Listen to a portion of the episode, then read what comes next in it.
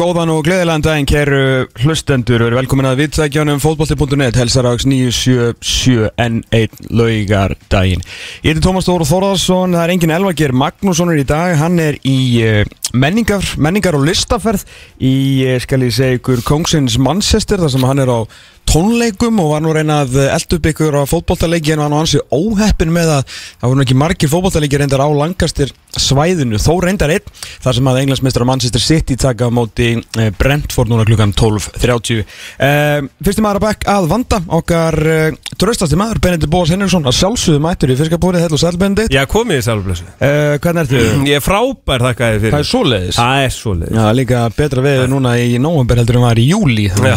Eðlilega er maður bara í sko besta, besta skapi. Já, Þið veitir hvernig það er þegar það elvar er ekki á tökunum þá gerast alls konar hlutir. Já. Ég gerir mitt allra besta. Mm. Vanlega mæti ég hér bara til þess að perra fólk uh, og hefur gengið mjög vel undan fyrir 13 ár að hérna, perra mann og annan. Veit samt ekki hvort ég hef perrað gest dagsins því við ætlum að byrja bara gesti dagsins og fyrir eftir í Já, Þetta er maðurinn sem hefur uh, hýft sitt uh, fótboltalið og sitt félag upp í hæstu hæðir sem framkvæmda stjóri eh, knastbyrnufélag Akureyrar sem spila enda líka handbólta og blakur enda mjög góður í því öllu. Þetta er eh, sjálfsög Sævar Pétursson og nú bara byrðið ykkur sem að eh, ég hef vitt á rétta mæk velkomin Sævar Takk fyrir það. Sjáu, ekki. Það er ekki flókið þarna sko. Velkomin í hérna þáttinn Sævar, gaman að fá þig, við erum oft verið með síma en sjaldnar hérna í stúdíónu, ringalega gaman að sjá að randlitið Hvað hérna, hvað er það að gera í bænum? Herðu, ég var uh, klára að byggja bald í gær Já. og, hérna Þú þurftur að fljúa til Reykjavík? Já, ég gerði mig ferð og var að tala við tvo í viðbót sem vonandi skýrist á næstu dögum líka. Nó, þannig að það er Þú ert í alvöru ný verslunaferð Já, já, ég er svona gaman hitta menn og, og fá gött feeling þegar ég er að tala við og, og, gerði mig ferð suður í gær og, og Já. fer bara heim í sinnpartin dag. Og er þetta ekki eina viti líka Þarf ekki að vita hvernig menn svona svolítið eru Ef þeir að fara að flytja Alla leið í sveitin og norður, norður sko Jú, jú, þú er veist, öllum öðveld Þú, þú vilt alltaf hafa svona gött feeling eftir Já. að hitta mann ekki kannski bara í síma eða skilabóðum eða svo framvegis þú Mhm. bara, mér finnst mjög gott að, taka smá spjall og sjá hvernig mér líður eftir það áður en við skrifum undir Ert þú þá líka svona de facto yfirmaður knaspunumála Þú veist, eða náttúrulega hattir Er hattir líka á þessu fundum? Er Nei, en sko hatt er náttúrulega með í umræðinni að fara í samræður eða viðræði við þennan eða hinn Já. og svo lendir á mínu borð að fara að klára hlutina Ok, þannig að það fer engin, það fer engin í guld nema að fá bara sæsir P stamp og fá prófal Já, það er, það er orðað þannig sko. Já. það fer engin í gegnum að ég, ég loka orði Hatti er bara í rjúpum sko. Já. Loksins koni í lopapeysuna og fara hann að skjóta sko. En ekki með Baldri, eða hver er með Baldri núna? Bara- Hann var með andra vall Já, já, Baldur og Andri voru Hann, var- hann fer bara með Ga gaman að heyra þessum íverðning ég segi alltaf að hann, hann byrjaði að skjóta í september sko, hann er bara náið það núna Já, ég veit það ég, ég, Sko, þú mátt náttúrulega ekki byrja sko, að hérna,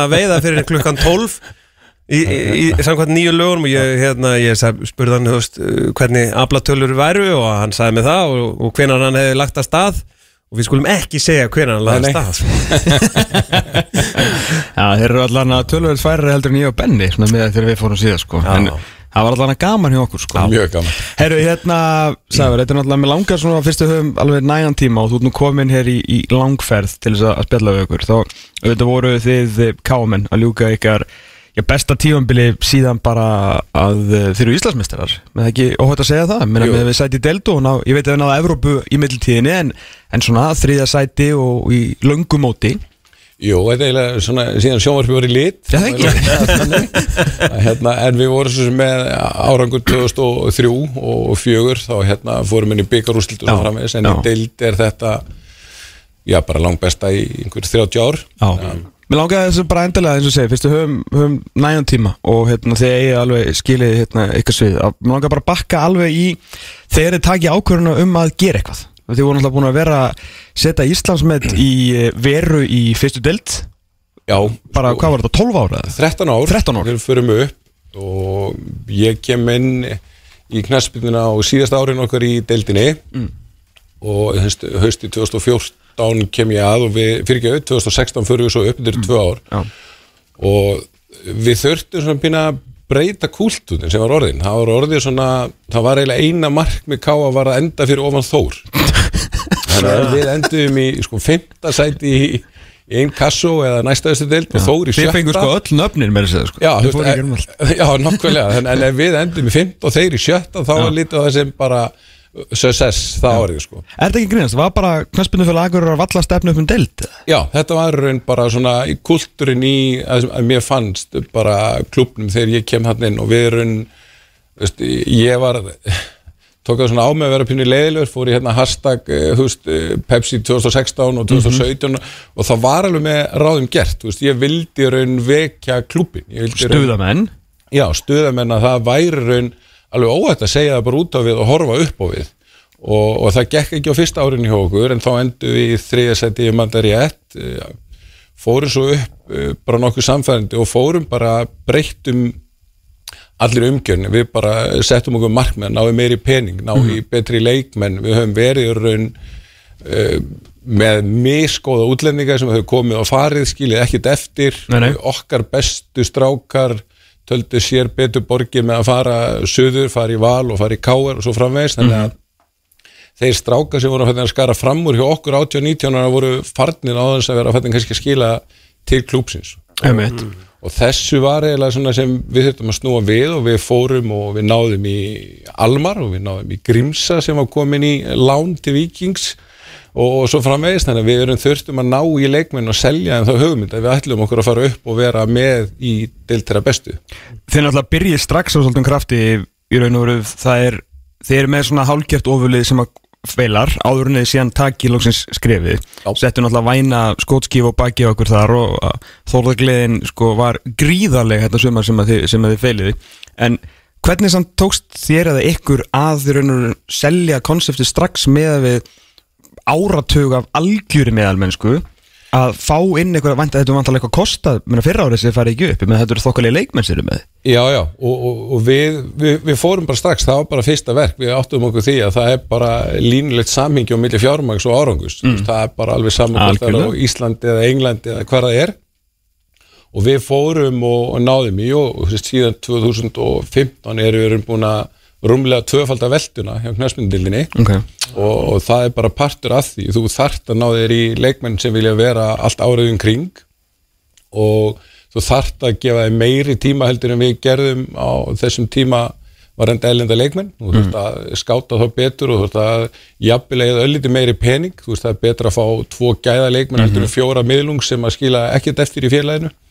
Þannig að við fórum alveg honi í grunnið þessu og settum okkur raun og höfum gert alveg síðan. Við erum alltaf með svona þryggjára sækul sem við höfum verið að vinna í og reyna að koma. Og fyrsti sækulnin snýrist bara um að koma okkur upp og það átti náttúrulega að gera strax á fyrsta ári, gerist á öðru. Já, og svo var er náttúrulega markmið bara að verða stöðu klúpur og svona síðustu þrjú ár þá hefur það verið lengt og beint á vilju við fest okkur í sessi sem top 6 og fara að nálgast e, þessi bestu lið og vonandi ná inn í Evrópu einu sinni á þessum þremur árum sem tók sá núna í, í haust. sko Á hvað ring eru þið þá núna? Er, er, er, Þetta er þriði í sörkulun sem við erum að klára Já. núna í haust. Já, ok, og Og vá þeir eru að fara í nýjan með nýjan þjálfara og Já. veist, með Evrópu alltaf En núna er raun, já, fyrir jólega árumót og þá munum við búað aftur einhvern 20-30 manna hóp sem kemur að búa til svona þá sín sem við viljum sjá fyrir næstu þrjú árin sem er í raun framhaldaði sem við höfum verið að gera. Og það er rosalega gott fyrir mig sem er að stýra apparatinu að hafa á veist, fyrir hvað við viljum standa, fyrir hvað við viljum gera og hvert við erum að stefna. Og að því sögð þá held ég að veist, 90% af þeirri stjórn sem kom inn hérna 2014 er enn að starfa í dag því að við höfum alltaf haft það sem við erum að vinna bara upp á borðum og hvað við viljum gera. Ertu þér, fyrir ekki? Er, er ekkit mál, þú veist eins og þú segir 30 manna hópur að, sem þú bóðar skilur og segir hérna, herðu, þetta er planið næstu þrjú árin, allir um borð. Og það er all, alltaf bara þannig að það er, menn En eru sko, veist, þegar við fáum, við fáum veist, fyrrum leikmenn, við fáum uh, þjálfara, við erum að fá styrtaraðalega, við erum að fá fyrrum stjórnamenn og núverandi stjórnamenn og afreiksþjálfara allt á þessa fundi. Mm. Og þessi fundur er en á að móta það sem við viljum gera næstu þreymur árum, veist, við komum okkar hugmynd og stýrum með eitthvað, Já, já, en já. svo er og ég get bara sagt, þú veist, eins og veist, eftir síðasta sækur, þá voru við með þrjú svona stærstu markminn sem voru það að fara að selja leikmenn reglulega út úr aðaliðinu, við Mm. vildum ná einu sinna á þessu þreymur árum inn í Evrópukefni og, og þriðja var að við vildum selja U19 leikmann sem okkur tókst ekki. Uh, þannig að þetta er allt í raun okkar vinnu og það er rosalega gott að hafa þetta þegar við erum að uh, fjárfæst í leikmönnum eða eigum að taka ákvörðum að selja leikmann eða ekki, þú veist, mm jú, það er eitt af markmöðunum alveg eins og komast í Evrópu og þetta hjálpa okkur alveg þegar að til dæmis salan og nökkva kemur upp uh, síðasta haust. Þá var þetta bara átlistað í því sem við vorum að stefna fyrir, það var að hjálpa þessum strák bút En hver, hvernig er það, þú veist, ertu, ertu gladari að, að, hérna, að hafa náð markmiðunum eða ertu pyrraður yfir að hafa ekki náð að selja einn 19, þú veist, hvernig, hvernig er sko- lítur, lítur svona, oh, ég hefði viljað selja. Já, að, þú veist að, því sögðu þá held ég alltaf þú veist, það sem gefur svona mest er náttúrulega árangurinn inn á vellum þú veist, í grunninn erum við öll líka stöðningsmenn og viljum þú veist, sjá liðin okkar ganga vel. Að því sögðu þá þú veist, þá þarf þú bara þú veist, að reyna íþróttafélag, þá þarf að vita þú veist, fyrir hvað stendur, við getum ekki öll farið á eld val eða eld breyðablík, þetta er það sem við viljum gera og við skilgreinum árangurinn okkar svona. Eins og ég segi við erum með tvö af þremur stórum markmiðan okkar sem náðum. Þannig að ég til hennan e, síðustu þrjú ár hafi verið árangur hjá okkur. Við seljum í raun binna líka en við erum búin að selja tvo leikmenn á þessu síðustu þremur árum. Þannig að þú veist, þegar maður lítur tilbaki við þessi þrjú þá er maður mjög ánægði með árangurinn að því sögðu þá bara þú veist, verður að potið ofalega í goggunar en núna að það er að ná U19 því að þú þarft að vera með alla þessa þrjá líkil faktor þú ert að selja unga leikmenn seljur aðlinn og þú þarft að ná árangri til þess að fá fjármagn inn í rekstur mm. og ef þú nær bara eina og það klikkar þá er má búist við að hjóli færi fljóðlega undan vagninu sko. Já. Ertu, hérna, finnur fyrir, sko, þú veist, eins og núna þá er, þá er einhver ringur búinn, nú þarf að fara að setja nýr markmið, þú veist, yðar í skinninum bara, herru, ég er að fara all in hérna núna, sko. Já, Ég ég, er búin að- ég, er bara spenntur eftir að fara Liftum magnum aðeins þar sem ég segi, ég býð bara spenntur eftir því að fara að setjast í og vinna í þessari vinnu því að þetta er raun bara er bara rekstur og fyrirtæki þú veist, þetta er velt upp á þú veist, hátt í 200 miljónir og þetta er bara þú veist að vita hvert þú ert að fara. Já, geðvægt. Sko þetta er svo, margt á svona, á svona vegferð hjá öllum fókvöldalegum sko, það er svo, það getur brotnað svo hratt sko, ef að hlutinir fara einhvern veginn í raskat sko, en einhver hefur gengið rosalega vel að, að svona að halda dampi og þurft að gera náttúrulega erfiða þjálfurarbreytingar, ég minna að láta eh, hérna, við getum ekki munið hvað maður heitir. Óli Stefán, Nei, Arnar? Nei. Túfa? Túfa? Já því ég var alltaf með ræko í hausnum Já. en ég vissi að þetta ekki, eins og, og Túfa Já, skilur mjög erfið ákvörðin Men það er bara gæði, það var bara eitthvað maður heldur betur, ég meina ég og Túfa vorum saman í 2-3 tíma á dag nánast, sko, það var bara hann var meira, ég átti meiri stundum með honum heldur en konin á tíma sko. En, en að því sögðu þú veist, þá eru allar svona ákvarðinu auðveldar að þú veist nákvæmlega hvað þú ert að stefna og fyrir hvað þú vilt standa. Já, um mitt að þetta sé ekki í raun bara einhver geðþótt ákvörðun þú veist, on the moment ég meina þegar það kemur að túfa og ekki miskil mig, ég er í miklu sambandi við túfa í dag og fylgjast með hvernig gengur út í Svíþjóð og í góðu sambandi Ég með bara eitt vænsti maður sem að er, hefur verið í bóttanum popnóti sko. sko. þarna á túfa bara búin að vera raun á fymta áru með meistarflokkin annarkost sem aðstofa þjálfari eða aðþjálfari veist, og það var bara ef við vildum taka næsta skrif þá þurftum við að fá annað input inn í umgjörinu okkar mm -hmm. og eins leiðilt og, og hvað ég segja, döll þetta hljómar en þá er þetta samt ákvörðin sem að við sem erum að stýra verðum að þóra að taka ef við teljum hann að besta fyrir klúbin Ég meina hann var líka hans aðalmarkmið vantilega tvö, hans tvö aðalmarkmið voru að koma liðinu upp og náttúrulega halda því uppi og gera því að stöðum klubbi svona til þess að byrja með, í raun og veru leggja þú veist múrvinnuna sem hann gerði bara með bravur. Já, og í raun, e, þú veist, Túfa líka svona mikið þátt í kultinu sem kom á að fara, þú veist, við erum með aukaðingar og mótnana, Túfa var fyrsti maður á æfingarsæði og síðastur heim, sko. Þannig að, að hann í raun á, e, þú veist, mikið þátt í því sem búið gerast á síðustu þú veist, 7-8 árum. Og, og, og hérna við erum óendilega þakklátt fyrir hans tíma hjá okkur og, veist, ég segi nú oft við hann að veist, að fínt að ná sér í stærri klubb út í heimi og komið svo þegar við erum komin ennþá lengur og stýrið þá, sko. En eins og Ól, Óla Stefáns ráningin, þetta var svona utanfrá virka þetta einhvern veginn þegar maður horfður frekar tilbaka skulum við segja, hann alltaf var hlutabreiðin voru sko hátt uppi þegar þið takið hann, hann var búin að gera frábæra hluti komið svona nýja vitsóldið inn í þetta var mjög spennandi, en það var eins og þetta hefði einhvern veginn ekki alltaf eftir á að hekja gengi verið að ganga upp. Fáið dagar þarna fyrir norðan, var maður að heyra og svona og Já, sko, þú veist, það sem situr samt eftir þegar Óli kemur inn er að Óli, þú veist, er með mjög skýra sín varðandi teimisvinnu, hérna vil ég sjá þjálfarana vinna og svo framvegis, þú veist, í dag eru við með þjálfaratími með 5-6 þjálfurum sem að tegja sér niður í þriðaflokk og niður í annaflokk og þetta er raun parturinn sem hann kemur með inn og hann sín, menn að Túfa var með aðstofa þjálfara og, og ræk og hjálpaði eitthvað og svo sá Túfa bara í rest. Já. þannig að, við sem klúppur við læriðum af hans hugmyndum mm uh, hlutin gengur ekki upp eins og gengur og gerist og þetta er bara partur á já.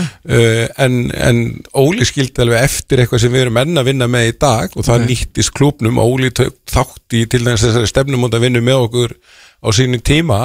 Þannig að þú veist, uh, ég er þakkláttur fyrir hans tíma þó það hefði ekki gengið upp inn á vellinum akkurat uh, eins og maður vildi sko. Nei, en síðan alltaf kemur þetta stóra þið náðu svona kannski stærsta þjálfaran sem við verið með í, í einhver tíma allavega af nafnu til við tökum bara það sem hann hefur gert bæði sem leikmaður þjálfari og yfirmaður knassbytumála út í heimi. Hvernig var svona, þú veist, við förum alveg tilbaka bara, þú veist, aðdrandana því og vantarlega hefur þið tekið bæjarferð og sett Já, já. inn í honum og gott feelingið Ég, ég er náttúrulega búin að þekkja Atta mjög lengi, spila, spilaði ekki saman saman í- 96 í breðablík ok, þannig að ég er búin að þekkja hann eins og sumir sér alltaf lengi sko. Tókst þú ekki þátt í liftursæðindur? Nei, Nei. Ég, ég var ekki það Addi, Einu norrlendingur sem gerði það Já, þannig sko þannig ég er búin að þekkja og ég vissi alveg hvað karti ég verið að fá í Adda og Addi kemur inn og þú veist ruggar öllum stólun sem er hægt að rugga til þess að ná upp árangri og, og við höfum gott af því eins og ég segi, búið að vera sami hópurinn að stýra batterín í langan tíma, stjórn og annað og hann kemur inn með áherslu sem við höfum ekki velt fyrir okkur. Ég meina bara kultunni sem er búin að vera síðustu ár, við erum með um, stærstan hluta meistrafloknum sem er með 34 morgunæfingar í viku. Við erum konum með morgum að ta æfingar þú veist, mikla kröfur. Eða þú veist ekki mættur 30-45 minnum fyrir æfingar, þá er hann fann að kvæsa og já, hann er bara svona þægilegur. hann er alveg, þú veist, sem er geggjað. Þú veist, þú er raun stuða leikmenn að þú ert mættur, þú ert ekki að mæta fjórumindum fyrir á æfingu hjá Arnar Gretzin, það fær ekki vera með sko. þú veist, þannig að þetta gerði rosalega gott. Hann er raun innanfrá búin að bæta mjög marga leikmenn, þú veist, bara Brynjaringi, þú veist, Þorri Nökkvi, þú veist, strákar sem að við höfum trú á en hann hefur svo sannlega sett svona síðasta kryttið á og, og bætt helling, sko. Ívar. Ívar, sannlega mm. Þannig að já, þetta er svona, maður hefur þetta heyrt þess að í raun og alveg frá því að hann kom heim og tók upp breyðabliki hérna á sín tíma, menn svona þú veist, þetta er svolítið, úf, skilur en ef þú ferði í gegnum hennar, þetta bootcamp sko, þá hefur hann skilað helvíti góður um árangur sko Já, og, og sko, þú veist, fyrir hvað ég segja, svona ungan leikmann, þú veist, 20, 23 ára Já. þú veist, geggja, þú getur verið mættur hálf tíu og fara heim klukkan 12 og mætt aftur klukkan hálf 5 því að það er æfing klukkan 5 Já. og, og helst ekki svo kallt og heitt og nutt og þú veist, og fara heim klukkan 8 Já. en fyrir þryggjabarna föðurinn þá er það Einmitt, einmitt og, og hérna en þú veist, þessi kúltur og þú sér bara þá stráka sem hafa sprungið út hjá okkur núna síðustu tvö ár að þá er þetta gæjar sem hafa farið bara algjörlega all in og lagt á sig. Og ég meina Addi hefur haft það þannig það er bara verið æfingar mánda, þriðdag, miðugdag og fymta klukkan tíu, þú veist bara allt undirbúinstímili, alla mótna voru þessi strákar að mæta. Heita það aukaæfingar eða bara æfingar? það er bara æfing, Æfing, já, já. já, en að því sögðu þá er ekki allir leikmenni sem geta þetta það eru leikmenni í vinnu en ellendi leikmenni sem eru er hjá að skera kjötið í Akkurat, kjarnafæði. kjarnafæði þarf að rúla sínu út út út en, en að því sögðu þá höfum við gert kröfu á alla leikmenni þeir þurfa að mæta á minnstakosti eina morgunæfingus Já. en ég tek bara nökka sem dæmi að hann mætti á allar fjórar æfingarnar hann mætti á allar æfingar setjumpartin Mm. og þar fyrir utan var hann kannski tvis að þrísveri viðbót ofan á auka morgunæfinguna og auka setjumpartsæfinguna Já. þannig að hann var bara allt í nú fyrstu skoðan komin í bara 15-20 klukktíma á viku í eitthvað æfingaform sko En maður er svona, ég er alltaf að býða eftir að þetta verði normið sko, því að var að lesa viðtali við Ívar, einmitt núna, Já. sem að hérna á fókvöldi.net, þar sem hann einmitt talaði um að hérna, að hann hefði fyrir að taka þátt í þessum, eða svona bara lægt meira á sig Já. og bara herra, já ok, ég er bara nokkuð góður sko, svo nökkvi og þetta er á hverju ári tökum við svona 2-3 viðtöl hér og, mm. og punktu net önnur fjögur, þar sem er einhverju strákar svona bara, er ég bara að prófa að æfa. Já, ég bara- þá er ég bara helviti góður Ég er bara að prófa að fara á linn en, en, en þetta er sko kultunum við höfum verið í miklu samskiptum við klúpa í, sams, í, í Skandinavi í síðustu fimm ár. Já, og bara þú fer í heimsókn og skoðar hvað eru 18 til 25 ára leikmenn að gera þar -hmm. það er bara kulturna, það eru þrjára æfingar aukalegi vikum sem við erum að gera með okkar drengi Já.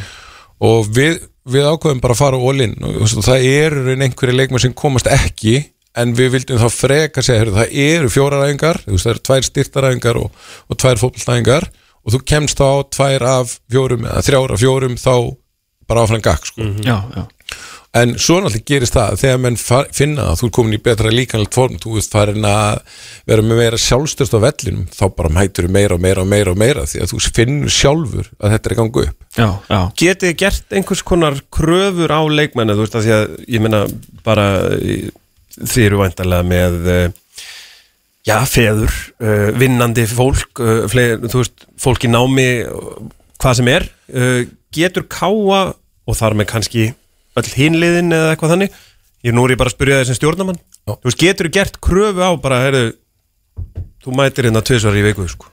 Já, mér finnst það. Við, það er ekkert launingum við á samt öllum klubum í eftir við erum að borga leikmennum fyrir að stunda Já, ég er að segja það, að því að þið eru að borga og- það getið þið þá ekki gert þessa kröfu? Jú, og svo, svo erum við náttúrulega með þú veist, kannski erfiðasta krafan sem er að við erum að gera kröfunar á sko, mentaskólastrákana sem er 17, 18, 19 ára. Þeir sé að mæta á báða fótballtæðingarna klukkan 10 og 30 og 50 þú veist, foreldrar svona já, þú veist, á hann að skrópi starffræði ensku, þú veist, einmitt. en við eigum samtal við mentaskólan og verkmyndaskólan þú veist, við fáum mér en heimild eða leifi fyrir þá að sleppa skóla til þess að mæta á æfingar. Með þeim fyrirvara að þeir þurfa að veist, vinna auka heima og leggja meira á sig. En reynslan okkar er að þessir krakkar sem vilja skara fram úr þeir eru tilbúin að gera aukalega Já, þeir fórna þú veist, einhverju félagslífi eða einhverju á móti mm þeir vilja ná langt í fótboltanum. Og partur af því líka við höfum þá verið að veluna þessa krakka sem er að leggja sig aukalega með að fara með út einu svona ári og reynslu og koma því, við erum að fara með fjóra gutta núna bara í lok nóvumber til Danmerkur. Já, ok. Og þetta er alltaf að koma upp úr okkar samstarfi og, og við er einn að velun okkar krakka fyrir að leggja sig meira. Þurfa þær þá einhvern veginn að vera með bara ef þú, ef þú ert ekki með átta í starffræði þá bara Nei, við höfum kannski ekki fara alveg uh, svo inn en, en við erum í samstarfi við skólinn eða samtali og ef að Já, skólinn fer að tala um að þetta fer að bytna á Mm, já, þá dettur hann út úr afrikstarinn okkar. Eða þá mætir hann ekki á æfingum Kemur ekki alltaf í ljós að þeir svona vita einmislegt Þótti séu nú ekki alltaf þeir vinsalastu bræðinir í Hafnarfyrir Ég meina, hvað er mörg ár síðan að Jón Rúnar talaði um atvinnumennsku og þú veist, útskýrði það með að hann krafðist 30% af tíma frá leikmönnum með það sem hann var að, að borga þeim sko. Já. Já, hann hefði örglega ekki það kræfist meira með hvað hann borgaði. Hérna, en náttúrulega þetta, þetta samstarf tók enda líka í sumar, kannski ekki eitthvað, ég veit það ekki, utanfrá ekki á, á skemmtilegasta mátan, hann uh, klárar 22 leikina, Arnar Grindarsson, svo uh, náttúrulega er búin að vera voðalega íslenski hlutir eitthvað í gangi, hann er svona að reyna að koma sér í flugt í bæinn og sko, Ég veit að þú lítur vandalega klálega bara, þú veist, svona nánast bara, náttúrulega þú ert með þína hlið, sko, en þegar maður horfir á þetta svona utanfrá, þá er einhvern veginn, mann finnst skrítið að hann hef ekki viljað, og kannski hefur hann alveg viljað, klára þetta dæmi að því hann stendur gjósanlega á barmi þess að gera eitthvað stórkostlegt með, með lið sem hefur ekki gert mikið í langan tíma. En hánu líður vandalega eins og hann vilja ekki missa af lestinni til Reykjavíkur á endanum, þar sem sérstaklega sem að valstjópið er í, er í gangi, sko, en En þín hlið samt, ég með þetta hlýtur að verið rosalega skrítið og væntalega hefur þetta verið veist ég ætla að gefa mig það að þetta hafi verið vindasamar á bakvið tjöldin heldur en að við hefum fengið að heyra. Já, já, sko, bara uh, byrjum með því, þú veist, ofbóðslega þakkláttu verið sem Addi gerir. Jájá, uh, Það er ekkert launingum það kemur upp í sömar að Addi er farin að horfa suður já Hvað, hven er þetta? að, Þú veist, það, já, bara þú veist júli, ágúst, Ok, okay, ok. whatever þú veist, eh, við finnum það alveg að hann svona Jú, jú, ef hlutir er svona eða hins einn, þá er ég veist, tilbúin að vera áfram, en ég er samt ef hitt gengur upp, og þá er ég svona að skoða hlutin í kringum mig. En stóð til ef að hann hefur áfram að þú veist næsti sækúl væri Árna Gretarsson Uh, Þú veist, það var alveg option. Það, þú veist bara hennar hæsins að við erum ekki það? komni þangað. Nei, ok. Að því sögðu, þá hefur það leiði fyrir alltaf að segja ég að minni hálfu og, og einhverja stjórnumanna að þú veist þegar að því kæmi að tíma Arnars verið búinn þá væri Hallgrímur klár. Mm veist, við bara, og hann kannski fekk svona starfsreynsli í sumar eh, í ákveðnu leikjum, það er alltaf verið í leikbanni. Rósalega löngu líka. Já, og svo, svo er hann kemur þetta upp og sögurnar verða alltaf háværi og háværi um það, þú veist, hann sé að hugsa og, og skoða og, og, og svo gerist þetta bara mjög hratt. Mm. þetta er um bara eftir valsleikin sem er okkar síðasti leikur í deild og þá er hann farið í gang einhverja viðræður hjá Arnari og Val. Og um leið og það er komið, þá bara teljum við heyrðu, við erum með okkar þjálfara tilbúin. Það er best fyrir káa að við stígum þá bara inn og afgröðum hlutina ekki hafa hvað ég segja, hangandi yfir okkur að hann sé viðræður með klúb sem við erum að fara í hugsalega einhverja baróttu við. Við erum að byrja þann tíma á árinu þar sem að við á samt þjálfar er að fara að huga leikmunum fyrir næsta sísón hverja og endur sem er við annað og það er rosalega vond að vera að ræða það við þjálfar sem er að fara frá klubnum þú veist, þú vilt að ræða við þann sem á að stýra skútuna áfram ekki Já, mér sæ- finnst ekki þetta á hann Birgir Baldursson. Ég veist- alveg láta hann í friði. sænaru leikmann sem að hann vill síðan ekki hafa eða lætur mann frá þér sem að veist, næsti þjálfari vill hafa og svo koll og kolli. Þannig að og aftur, þú veist, þetta er leiðileg ákvörðan að taka, þú veist, þetta er vond að slíta samstarfi við Arna Gretarsson sem átti í raun þú veist, ekkert nema þakki skilið frá með hvernig árangur og þann kultur sem hann kemur inn. Mm. en á þessu mómenti þá er þetta rétt ákvörðun þú veist, og það var líka á mómentinu undan var rétt ákvörðun að selja nökkva þegar allt voru í háa loft tveim vikum áður, þú veist. Eftir að hyggja, þá er það raun allt sem við telum best fyrir félag þetta sé leiðilegar ákvörðun að taka. Já, já, já, algjörlega þetta hef- var allt sem hann rosa spes og líka bara að Óli hefði stýrt þessum síðustu fimm leikjum og þetta var bara svona dóminu effekt af svona furðulegu hlutum sko. mjög, já, mjög, mjög íslenskt Hva, andast hérna, uh, að því að ég, hérna, ég er nú með hérna efri hlutan uh, sí, semst, í þessari úslita keppni þá eru þið með sko 3-1-1 já. Sem er já, það er, Er sem er 12. breiðablik. Já, þið næstu því vinnið hlutan já, og við ég, ég fekk nú að heyra það frá nokkum að ég er sko vittlýsingu þegar við seldum nökkva við erum að henda frá okkur Evrópu. Já, það eru síðustu sjöleikinar og þá erum við með flesti. Já ok Vist, við vinnum er einn val og máli, við vorum miklu betri þegar hann fór. En, en þú veist eh, Hatti er einn spilar að stýri liðinu þessa fimm leiki og við erum erum blikarnir voru bara sterkari við í leiknum sem við töpum. Mm -hmm. hina leikinu vinnum við þrjá og vikingsleikurinn við, við stelum jættefla þeirri restin að það var fínt viking og búin að stela sigri í tveimur áður hjá okkur. Þannig að- Stela, vinna. Já, þeir, þeir stálu stíðinu þremu fyrir norðan í, í þrjú tvö segri þar. Já, það það var við vorum já, tvö eitt yfir. já, og bara, þeir já, koma. einmitt. Og svo skoraði vikingu tvö mörg og það heitir nú allt hérna að stela sér er alltaf leið Nei, sko, skoða bara þessi tímbilið á Viking það var, það var eilt í hináttinu að þeir töpu stíðinu En sko, ég meina þið, hérna, uh, sko, Hatti færir henni, þó hann hafi verið í þessu starfstjálfun hann í þess að Já. 11 leiki, þá fæ, tekur hann allavega þessa 5 leiki, þetta er alveg promising, sko. Já, já, Þú og veist, þrý sigurleikir, eitt, tap, eitt jafntili. Nei, fyrir utan þess að sex eða eitthvað sem að stýriði já, sem var góður árangur Já, Já, Málið er það, þú veist, Hatti er alveg tilbúin og Hatti með mjög skýra sína á fótbolta sem er í takt við það sem við höfum verið að vinna síðustu ár. Sónu pappa síns kannski? A- Algjörlega, og aðeins rólegri. Já, sem betur fer. að ég vona hann alltaf hætti ekki viðtali. Já, Já, já, En er hérna- svona en hann er þú veist, að- já, veist, að okkar mati var aldrei spurning hvort heldur hvenar Hatti myndi taka Já, já, já, og einmitt. hann var hann búin að ég held að það hafi verið erfiðasta ákvörðum fyrir hann þegar við settum niður með hann og rættum við hann í haust var hann að kingja stoltin að vera ekki leikmaður lengur. Mm, að hann hérna sá alltaf fyrir sér að enda kannski eitt, tvö ára á húsæk sem leikmaður á hann að færa út í þjálfun. Og hérna en, en að því sögðu þá er ekkit býðs kannski ekki tækifæri að taka við bara í fyrsta jobb í klúb í að það var spennandi fyrir hann og vandi gengur vel bara. En hvernig er sko að því að nú er ég er búin að þekkja Hatta frá því að hann fættist uh, og allt þannig að maður hefur alltaf fundist að hann vera mikil fótbolta pælari og svona, fótbolta þengjandi endanlega síðan hefur maður bara fylgst með og allt þetta. Hvernig, sko er hann bara eins og þú segir er hann, er hann alveg ready í þetta og klár? Já, ja, þú veist 7-9-13 Já, þú veist, já, já, það er bara- mitt mann dag. Hann er rosalega hugsuður, hann er all-in, hann er mættu snemma á mótnana velta fyrir sig hinn og þessu.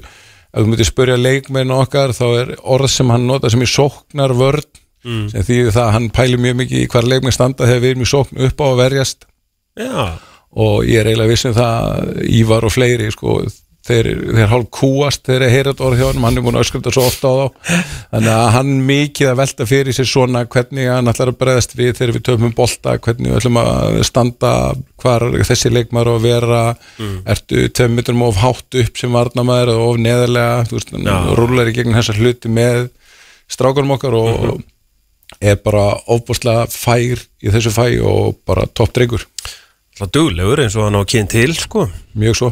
Ég hérna, að því að bara nýjasta frettin á, á fókbalti.net er núna Daniel Hafstins og okkur fannst barnar fáránlegar og við hlóum með þessu. Uh, sko að því að fyrir tímbilið þá náttúrulega er þið nýjönda setið þarna í spá frettablasin sko. Ég er búin að minna hött á það. Já, sko, en sko málið er að þið hafið Ég, að því að ég var konu nál því þá ætla ég nú að standa hérna upp og, og verja það því að það, sko, ég hafði bara, voru ekki nýbúin að tala við þig um, þú veist bara einhvern veginn, það voru allir meittir, það voru engin aðstað það var hérna mikil umræðum bógan og þið valla geta æft því ættu að vera á Dalvík það var hérna komin ný aðstað sem var, það var valla búin að taka skóplustungu, sko Ég hugsaði bara með mér allt sem er í gangi utanvallar mun hafa áhrif innanvallar þeir eru ekki að fara að safna neinum stigum sko. Þetta er eiginlega mín spá sko. Ég talaði bara við þig, Tom Ég tek þetta á mig sko. En sko málið er að þið voru eiginlega jafn breyðir þegar þið voru sko öðru sæti í ótömbara spáni hérna 2019 sko. Það er mjög erfitt að platsa ykkur sko. Nei, sko, það sem kom mér kannski óvart eh, við þetta er að við, eh, þú veist, við endum í fjórðasetti fyrra og það sem var í raun í fyrsta skipti hjá okkur bara frá því ég kom að og þá voru litla breytingar á liðin á milli ára. Mm. veist, e, og við erum vorum downgreitaði fyrir það að breyta liðin ekki meira. Veist, í raun Það var bara ekki að fylgjast með. Nei, nei, og það fyrir utan. og Þannig svo, þetta var bara eitthvað. Eh, svo, svo eru menn og eðlilega kannski, þú veist, menn met ekkert rosalega mikið í sigran okkar á móti í Dalvík og Völsung í kjarnafænsmótinu þannig að það er erfitt að rýna í stöðu okkar það, hverju það, sinni. það er eitt að erfiðasta sko og en að því sögðu, þú veist, þá bara þegar þú skoðaðir leikmannahópin þá var hann rosalega lítið breyttur á milli ára. Það hefur tveir leikmenn farið inn og tveir út og og veldan var lítil. Að já, eiginlega aldrei jafn lítil. Og við töldum okkur eiga inni þú veist, eh, nökkva Daniel Sveinmarkir sem hafðu pínu underperforma árin og undan á okkamati og nökkvi er endan að bæta aðeins í. Já, já maður átt ekki alveg von á því. Ég, ég viðurkenni það. Þannig að, að þú veist eh, já, þú veist, og það er líka kostur að þurfa ekki að gera of mikla breytingar á liðinu. Já, já, algjörlega. En sko nú hérna verður enginn sem setja ykkur í nýjunda Það verður enginn sem setja ykkur í sko fymta eins gott maður. Jó, ég ætla að gera þetta aftur. Ég- gera þetta Já, það ef þú spáðum tíunda þá vinnaði mótið Ei, Þú veist, en það er, samt, það er annað veruleiki sem býður ykkur núna farandinn í, í hérna, nýtt tímbil og nýtt ár, bara nýtt besta ár. Evrópa auðvitað, þú ætti að vera með stærri hóp klálega, uh, vandalega langar líka að gera betur í byggarnum uh, hérna Þannig að þú þarft fleiri leikmenn, það kostar peninga, Evrópa auðvitað hjálpa til þar uh, og svo líka bara pressan. Það er bara já, Þetta er ungur þjálfari, ég veit hann er búin að þjálfa nokkur leiki og standa sig vel, þetta er ungur þjálfari samt á fyrsta árunni sinu, hann þarf að díla við Evrópu, byggar, þú veist möguleikur eitthvað meðsli og ykkur verður spáð í topp fjórum, aldrei vinna já, og það, þetta er þetta er mjög spennandi, veist, það er hvernig hópurinn bregst við því að vera En það í þú þarf lændunum ekki að spila leiki Nei, nei. en, en þú veist, og, og þessu fylgir meina, það er rétt, við þurfum vantilega að bæta við eitthvað inn í hópin og, og, og stækkan það kalla líka á þú veist, einmitt, man mannismenn hvernig ætlar að stýra þeim leikmennu sem er ekki inn á, þú veist, þú þarf að eiga þá inn í síðar þú veist, þannig að þetta eru svona öðru sem skemmtilega vandamál en veist, það er ekki launingumál hjá okkur og við ætlum að vera þarna uppi, veist, við ætlum að vera topp fjögklúpur, við viljum vera svona á húninum þegar að þú þessi lið sem eru í kringum okkur mistiga sig, þá viljum við eiga tækifærinu stökkvinn og núna er hún horfið við bara það að það tækifæri er þá bara annað titillin ef að menn er að mistiga sig að þá erum við bara on the side. Við erum fjárhætlega aðeins og eftir stæstu þreymum klúbunum en við ætlum samt að vera með hopes and challenger og vera tilbúinir að tróða okkur fram fyrir röði og það er möguleiki sko. Kostar það að káa meira að vera góðir heldur en Reykjavíkulegin bara út af veist, sem sagt, hvað þurfi, hvernig þurfi að struktúra að díla upp á íbúður og þurfi að borga meira fyrir leikmenn þú veist, ef það er til dæmis í baróttu við Vikinga Breiðablík KRF Já, við, við erum bara með 10 miljónu í budgetinu okkar sem eru útileikir í bestild Mm. þú veist, ég held að sé ekkit annað félag með 10 miljónu í budget í að ferðast í útileiki. Nei, en að því sögðu, þegar við og það sem er kannski flóknast í þessu þegar að breyðablík langar í jasondaða, Mm. þá er það bara einhver rúki samningur og hann kemur yfir og sanna sig ef okkur langar í leikmennu sem jasondaða þá þurfum við að retta húsnæði og einhverju með því saman að hann er þá fann að þá fer að debata, kostar hann er hann komin jafn langt eins og ellendur leikmaður sem getur komið með meira borðinu Já. þannig að, að við þurfum að vanda mjög vel og þess vegna rínum við mjög mikið markaðin fyrir norðan. Já, við viljum vera stóra liði allt frá bara fjárðabið og söðukrúk þannig að það eru strákar sem skara fram úr á þessum svæðum að þeir komið þá yfir í káa og við, þannig við höfum fengið þú veist, Týpurann og Dalvík, Sveinmargir mm ágætist tenging á húsæk í liðinu hjá okkur. Nú bara mjög fín. Og e, núna er að opnast möguleiki menna við erum að fá tvo sterkar leikmenn í sístu tveimur árum frá Þór út af því að við teljum okkur vera klubb sem á að vera spennandi fyrir liðin fyrir norðan að koma í og ég ætla samt ekki að tala um Tranmer samt.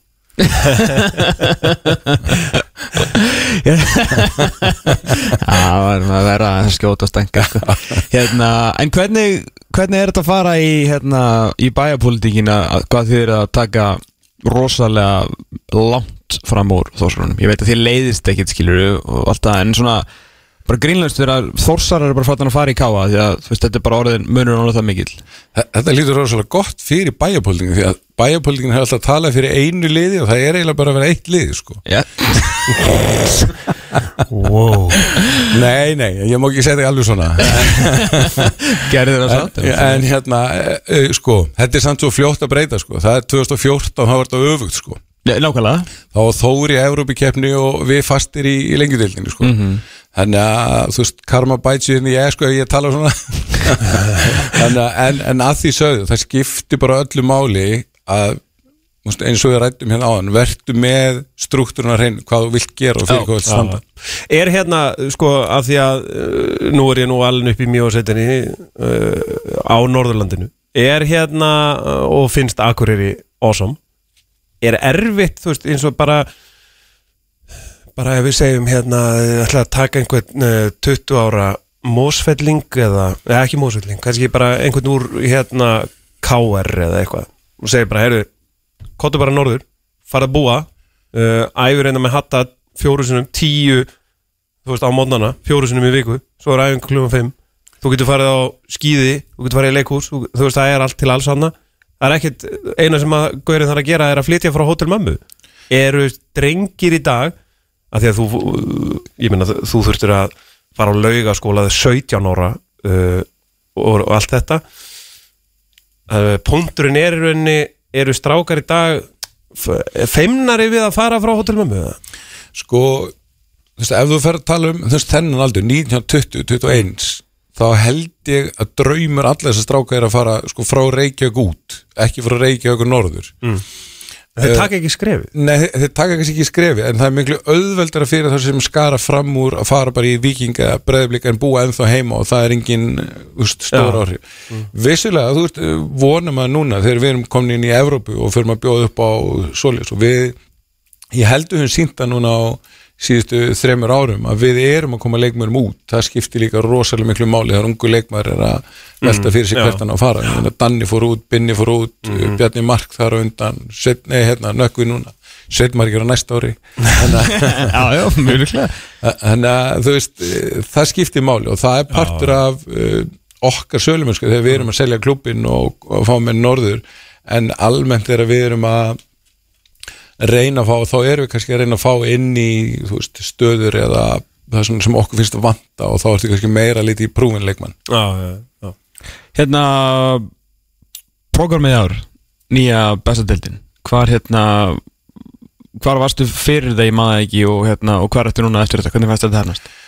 Ég er all in, mér finnst þetta í raun eh, lífsnöðsilegt fyrir okkur sem erum að reyka klúbana og viljum bæta umgjöruna að það er fjölga leikjónum uh, ég er ekki sammála þeim sem segja við þurfum alltaf að spila fjóra leiki í viku og spila bara í júni og júli mm -hmm. aðstöðu bjóð ekki upp á það uh, mér finnst þetta flott skref sem er verið að taka en þetta kallar á klúbana og þeirra sveitafélag að bæta umgjörna, þetta kallar á að við verðum að vera með flóðljós, mm. við verðum að vera með vellina í standi sko. þegar ég var að spila fyrir nokkur mann síðan sko, þá fagnaður að komast á græs 15. mæ sko. mm -hmm og það að gera svona breytingar alveg eins og þegar það fara úr átjónleikjum í 22 og fara úr 22 í 27 þetta kallar á að það eru meiri kröfur á umgjör, það er meiri kröfur á velli aðstæð og svo framvegis. Mm. og það gerist ekki á einu ári, þetta mun taka nokkur ár uh, og Veist, mér fannst Arna Gunnlaugs segja allt sem segja þurftum dæn við erum með tímabil þar sem leikmenn er í 10-11 mánuði að æfa fótbollta mér fannst miklu sjæntlegur að fylgjast með bestu dildin í oktober heldur um bósmótin í nógumbjör sko. Mm -hmm. ég er reyndar að horfa hverju takja en já, það er miklu fleiri en það er meira undir já, það, og, og það eru miklu fleiri. Það að það sé koma 500-600 manns á leiki í oktober þú veist og menn segja að þetta sé glatað. Svo fara sömu liðin og spila í nógumbjör og það koma 42 sko. Mm. og það hlýtur að vera skemmtilega í allir umgjör fyrir okkur sem er að reka klúpin fyrir það sem er að spilan að vera með 5-600 heldur en 40 sko. Mm -hmm. Ég meina, þú veist, ég með tók ég svolítið eftir þessu með hérna, áhverjandutölunar í ár þannig að það hefur aldrei, eða sjálf verið talað að blítið um þær sem ég var svolítið spes með að þá verið að bæta við svona leikjum Þú veist, er þetta ekki bara svolítið borin barátt að vera eitthvað að kalla eftir einhverjum 1100 manns að meðaltala leik ég veit þið eru þetta náttúrulega, þá að um sko Þú veist, er ekki bara 800 manns bara orðið bara fint í öllum þessu, þessu samkeppnum aðþreyingu í dag? Jú, það, það er náttúrulega, það eru mikil breyting á síðustu 3-5 árum, veist, það eru allir leikir í deildinu og allir í sjónvarpi, mm -hmm. það eru orðið rosalega mikið á öðrum viðbörðum, við erum að sjá bara fólk sem er gallart káfólk en það er kannski á saman tíma káður að spila er, þú veist, United Arsenal leikurinn skarast einhverju, þú situr bara heim og horfur á báða, mm -hmm. veist, bara þetta tikkar í bæði bóksin að því sögðu að þá er þetta tímabil pínu vond þegar það kemur sem fyrsta svona úsliðakefni að það var í rauninni engin spenna Nei, nei, þetta hjálpar það ekki neitt sko. Hjálpar það ekki Strax á næsta ári auka Evropasæti vonandi blikarnir ekki með sko 8-10 steg af foskott í síðustu 4-5 leikjónum mm -hmm. þetta var allt rosalega langsótt ég en að því sögðu, þá voru samt 2000 mann sem mættu alltaf blikalegi sko mm -hmm. veist, er, það mættu 1000 mann sem háttegin og F á leikna það var eitthvað undir sko það, ég held að það verði alltaf og, og það sem er kannski kosturum við það að leikinni séu settir á helgar er að ef viðspáin er ömul þá getur við fært þetta först yfir og lögadag eða lögadag yfir og sunnundag til þess að reyna þetta sé ekki margi leikir það er svona í sko 20 metrum á sekund og snjókomi sko mm -hmm. En er ekki það sem að Byggi var að tala um hérna fyrir viku eða tveim eh, ef þeir myndur ná að klára þetta 7. ótt er það er ekki staðið þeirri strax rosalumur Jú, en, en samt verður að passa ykkur að því sko, þú veist að mínu veit ef við endum ykkur ykkur 10. ótt, þú veist, þá þurfum við líka bara að fara aðeins fram að með móti Já, já, hann var að tala um það, byrja aðeins fram að því sögðu sko þá verða, verða græselin tilbúinir 10. oktober, nei 10. aprílin ekki 2005 veist, það þarf að fara heim og saman enn og aftur þá snýst þetta um umgjörn það snýst um það ja. að félugin stýju upp með sínu sveitafélugum og geri umgjörna þannig að við getum bara að spila frá 1. apríl og út oktober ef þess þarf mm -hmm. Hvernig er aðstöðumálið ykkur? Uh, aðstöðumálin eru á góðri leið við erum hérna, það er byrjað núna og það verður völlurinn, nýja völlurinn verður tilbúin næsta sumar en ekki stúkan það, sko, byrja... það sem að þið spiluð í ár það er, er það framtíðar völlurinn? Nei, Nei, það er, er bara að hugsa eh, fjórið, þrið og annarflokkur hann verður á þessum velli þegar að eh, nýja völlurinn kemur völlurinn kemur á að vera tilbúin 15. júni næsta sumar en stúkan árið setna okay. og það er að fara að byggja upp eh, nýja, nýja völl, nýja stúku og félagsaðstöðu með búnisklefum og svo framvegs og hvort þetta veist, tvö ár, þrjú ár, fimm Já, ár nei, nei. það verður bara komið í ljós en Geti ekki fengið gæðina sem gerði þarna skóaböðun jú, hann, hann Tók það ekki kláraði hálft ára eða eitthvað. Finni? Finnir fyrir mjög Ég létt átti að með segja þetta. hann aðeins Já, rosalega Ég sá fréttin eitthvað mann í janúar hann ætlaði að byggja þetta og svo fólk byrja að setja Instagram myndir í apríl. En það, þú veist, það er mjög spennandi tímar í aðstöðumálum hjá okkur núna sem Loksins. er loksins, loksins og að því sögðu þá hefnast eiginlega bara betur heldur en við þórum að vona að þessi bráðbyrð aðstæða sem við erum með núna bara myndast þarna fín stemming stúkan alveg upp í völlin og, og í raun þá vantar þessu upp á einhverja aðstöði í kring en þá er þetta heimin og hafráði sem við haft undan fyrir nár sko. Já, sá samtakamáttur einmitt þegar þið voruð þarna já, því að eh, hérna, maður sá nú svona það sem vorst að setja inn á Facebook og Instagram og eitthvað svona það bara hérna það er eins og þið hafið sett svona eitthvað svona inn á hérna káa stuðnismenn eða eitthvað. Hæ hæ, það eru komin hérna 600 sæti allir klárir og það var ekkert eðlilega mikið af fólki sko. Já, þetta var alveg magna, þetta var bara átt að vikna prósist, það sem við vorum með bara 20 til, já ég segi svona 15 til 30 mars, náttúrulega hverja einasta kvöld eftir já. vinnu, það sem menn mættu bara og það var að vera að móka upp úr skurðum og móka ofan í skurðu og aftur upp úr skurðum og þetta var en e, ógislega gaman að þekka þátt í þessu og sjáurinn þetta verða verilga því að menn vildu búa til umgjör fyrir bestudildina, búa til fyrir ja. lið okkar í sumar mm Mhm. -hmm. helstu stundum þannig þreyttir að kera á Dalvík og, og fara nýra á Akuröð og við vissum það að að þetta spil út uh, oktober og það er aldrei hægt á Akuröðvelli Mhm. þannig að, að þetta var bara mjög gaman að taka þátt í þessu og verða vitna þessu síðasta vor Hvað er alltaf að spila Európu? Frábær spurning. Takk. Búin að vera lengi í þessu sko. Já, við, hérna, við erum uh, býðum svara frá Júfa hvort að megi spila með undan þá fyrsta leik hjá okkur. Ok. Og það er svona einhver býðum eftir skýraði svörum hvað þarf nákvæmlega varðandi setja fjöld og svo framvegis. Um, Þórsvöllun er löglegur til þess að spila. Hann er, er leifilegur um, Mig grunnar samt þegar við ræðum að þú er með gríðarlega mikla fjárminu undir veist, í, komast í fyrstu umferð eða aðrumferð mm að við munum vilja spila á veist, ég held að þjálfara teimið og leikmyndi mun alltaf vilja það að í Evropu taka heimalíkin á gerrigrasi Þið er ekki að fara að lauga þetta svolítið með þetta? Nei, þú veist, við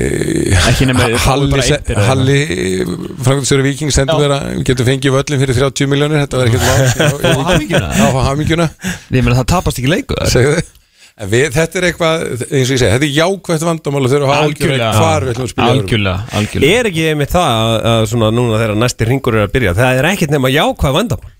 Þetta Það er, svolítið fyndið. Já, og þú veist, sem verður svona gaman að glíma við, sko, þú veist, þú veist að við erum að fara í allt öðru í sér tímbil, við erum að fara í það að við þurfum að aðlaga hugsalega leikstílinn okkar eitthvað, mm. við, við ætlum að vera stóra lið, við þurfum að vera meira kannski á stjórna ákveðinu leikjum heldur en við höfum verið áður. Þannig að þetta er, þetta er mjög spennandi.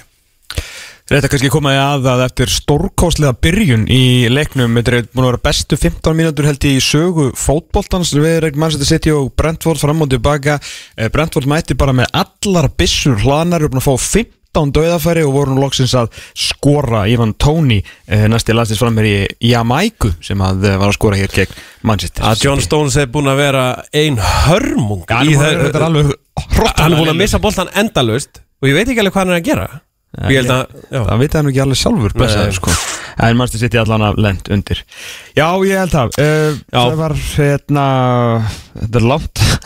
Það er svo langt þetta En samt er sko hérna Þú ert alltaf komin á fullt Hvernig fyrir heim? Morgun eða? Nei, ég er bara leiðin heim núna setjumpartin Nú, ja. og rúla norður og Hvernig áttu að fara að hitta eftir séru?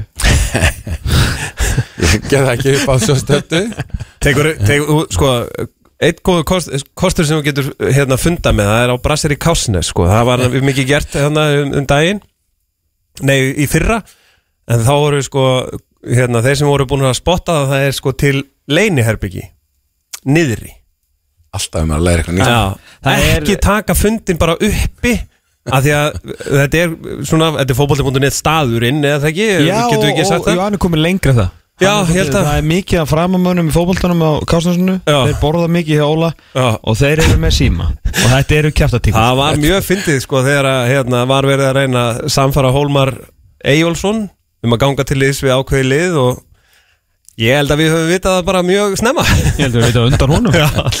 Hann að talaði bara við Óla, fáði bara að fara niður. Jóla, það jólabrönns Já, byrjar sko. Já. Það er Ég held líka að komið rúbres bjórin hjá hann renni við þarna sennipartinu Ég held að sé um að gera. Sæður Pettersson, frækastöri knarsbyrjum félags Akureyrar Takk kjallaði fyrir komuna. Uh, Vegna ykkur vel áfram næsta sumar. Við munum vafalítið heyrið mjög fljótt aftur Um eitthvað málefni, alltaf gaman að heyrið Við höldum áfram með þetta er smá stund. Það er 1-0 fyrir Brentur, Það ætlum að fara í frétti vikuna að tala um ennska boltan og ég veit ekki hvað og hvað. Ef ég mann hvernig ég seti þetta aftur lag í gang. Það er hérna, já. Þú ert að hlusta á Exit 977 Fótbolti.net heldur áfram þennan laugardaginn, það er ennþá uh, 1-0, uh, Manchester City 0, Brentford 1 en Manchester City sækir uh, eins og þeir eiga lífið að leysa núna að reyna að jafna metin gegn uh, vel sprækum Þetta var Brentford hendi. Þetta var hendi. þeir getur verið að fá, vildu fá hendi og víti hér rétt uh, áðan en sé ekki betur nú alltaf að færa þetta hérna fyrir utan. Teig, það er alltaf að gerast en þægilega fyrir dómara í dag. Já. Á í stærstu deildunum að þeir þurfa að dæma. Ný. Þeir bara ringja heim í Stokli Park í Suð Vest Æ, þetta er, þetta er bara bleitant hendi. Bernardo Silva hér og já, já þetta verður vítaspilna Það er ekki aðralega klart þá Elling Holland getur skórað hvað? Átjánda markið sitt og Já, ég held það. Það er byrjuð nóvumber Æ, djövill, þetta er villast maður Hver er þetta? Oh, æ. Herðu, Þetta er fyrir utan. Herðu, það er rétt þér. City er uh, Ég veit allan hvað Siggi Helga myndi segja Já. Línan hlut að tvö Herðu. Nokkra, fréttir uh, úr uh, vikunni og kannski já, nokkra svona áhugaverðar uh, byrjum aðeins bara í haminginni þar sem að uh, það sem var búið að ræða í nokkuð tíma í raun og veru og ég svona ætlaði nú ekki kannski að trúa þessu alveg fyrst en svo var Nei. þetta orðið nokkuð ljóst að uh, Arna Gullarsson vildi fá Mattias Viljánsson sérstaklega þegar hann sagðist bara vilja að fá Mattias Viljánsson útskýrði af hverju hann vildi fá Mattias Viljánsson Þráttur að FH hafi skipt um uh, þjálfara og fengið heimi heim og þá ákvað Mattias Viljánsson að að taka nýtt skref á uh, sínum ferli. 87 mótið eða maður rétt 36 ára á, á næsta tímbili mættur í Viking og þetta er svo, svo þægilegt Vardan Gullarsson að við gætum verið hérna bara, þú veist, hvað er hann að spá? Hvað er hann að spá? Og það sem hann er að spá er að hann hefur miklu trú á Mattiasi Viljámssoni, bæði sem æfingamanni sem bara komist, hérna, komið karakterinn og vera góður æfingum Já, uh, komið karakterinn í, inn í leiki. Þetta er náttúrulega frábær fótboltamæður Mhm. og hann útskýði það að hann hef, og ég var svo sem búin að heyra það líka að ég fór að kenna mér þetta, hann hefði bara leigið yfir skýslum yfir væðskátt skýslum og hort á alla leiki sem Mattias Viljámsson hefði spilað í sumar og komst bara að því að Mattias Viljámsson var bara að hlaupa allt og mikið og skilaði eiginlega engu sem hann átt að skila því að hann var að reyna að skila ykkur fyrir alla hina í liðinu. Já. Sko maður spyr sér líka þú veist Hann ætlaði að gefa sjálfan sig út á kanti, gefa fyrir á sjálfan sig og uh, skora já, sjálfur og svo ætlaði hann að taka hann að laxafagnum í sjálfur sér þar sem ætlaði bæði að vera laxin og laxveið Já, já, já. þannig að þetta var nú bara ekki alveg að, að ganga upp þar en hérna, samt á, skiptir ekki máli þetta er samt sem að mjög áhugavert að, að þessi prófíl sé allir ekki að taka slægin með, eh, með FO á Mhm. þessum svona spennandi tímum því að þetta var nú alveg FO gerði vel í vikunni með svona, svona upprisin er hann sko. Já, já, ég meina, hérna, ég uh, hörðu Snævar fór nú á þennan fund uh, fyrir fréttablaðið og hérna útskýrði þetta nú ágætlega í Íþróttavíkunni þar sem þú varst nú í gerð og hérna, ég meina tilkynna þjálfara á þriðudags kvöldi klukkan 20 er ekki ávísun á fullt hús. Nema þú sért Heimi Guðjónsson uh, í FH Já, og það var bara, var ekki kjaft fullt? Já, stapað, ég að sá myndband tekið aftast úr salnum. Já, og það var alveg já. fullt. Já, sko, ég meina myndirnar eru bara, veist, það er bara ótrúlegt að sjá þetta. Þannig að já, það var hérna, það var stemming á stuð og kannski kom, það er smá rýtingur aðeins svona, þú veist, já, við erum samt búin að missa matta.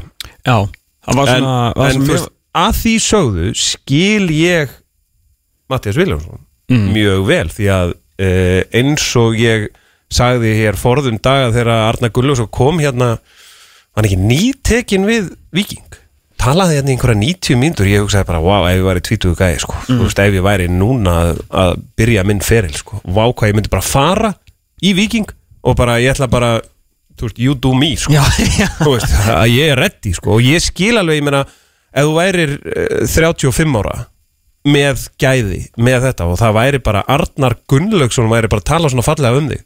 Ég myndi bara að segja, heyrðu, hvað er kvittaði undir sko? Þetta er náttúrulega svona að tvendi í þessu. Að hérna, þjálfari sem er að fá þig eru vantarlega búin að út, fyrst hann er búin að útskýra fyrir öllum öðrum svona hver pælingin er með hann að þá er hann vantarlega búin að útskýra hana ennþá frekar og ennþá betur fyrir Mattiasi sjálfum. Mm -hmm. Mattias náttúrulega eitt svona sá heilstiftasti og flottasti karakterinn í íslenska boltanum bara síðustu tvo áratugina skilur ríkalega svona mikil svona mikil fyrirmynd og, og svona gæði sem er gott að tala við og kemur vel fram og svona og virka mjög skarpustrákur búin að eiga dunduna atvinnumanna fyrir. Tekur bara skrifið þarna til start á sínum tíma og uh, kemst í Rosenborg er það svona, þú veist, ég var að segja inn og út úr liðinu en svona var alltaf svona eh, svolítið eins og eðusmári hjá Chelsea þótt að segja ekki sama leveli, ég meina svona Rosenborg var aftur komið í hæstu hæðir, það var alltaf verið að kaupa svakalega leikmenn en alltaf náði Matti að, að klóra sig aftur inn í lið með hrikalum vilja og það er vantilega eitthvað að því sem að Arna Gullisson er inn að horfi að sé einmitt svona Já, meiri meina- karakter þú veist, það gengur ekki að fá þessi mark Nei. á síðust tíu mínúturum Það- í öðru hverju leik. Sko, þú getur náttúrulega, ef þú kaupir bara Mattias Viljónsson bara, ef þú segir bara, heyrðu, leikurinn leiknum lauk á 80. mínútu veist, er þá ekki vikingur efstir? Það lítur að vera Það hlýtur að vera. erum Ef alltaf- 20 stegum. Já, en þú veist, ef þú kaupir bara hann til að múra fyrir og kenna fólki, þú veist, heyrðu nú gerum við þetta svona þessara Já, mér og þá, þá bara, ég ætla að henda þið fram uh, ég hef ekki spilað með honum, ég hef ekki æft með honum ég hef bara tekið við hann kannski svona fjó, fjóru sinni- fjö, fjögur viðtöl Mm. og hann bara uh, sko stræka mig þannig að hann sé svona þú veist, þegar þú ert inn á vellinum þá leitar þau bara til hans. Ég menn, líka bara raðsið verið, ég menn, hann vann allt þetta með FH þetta heima, fyrir upp um deild með start, unni norska meistaratillirinn og hvort hann ekki unni byggarinn líka með hérna, uh, með Rosenborg, síðan alltaf þegar hann kemur heim, en alltaf kemur hann inn í þannig stöðu að það hefur verið mjög erfitt að gera nokkuð skapaðan hluti á FH síðust árin eins og við höfum séð og það er mitt hluta því og ástæða fyrir því að það er verið að reyna að hýfa allt þar aftur svona upp með, með heimi.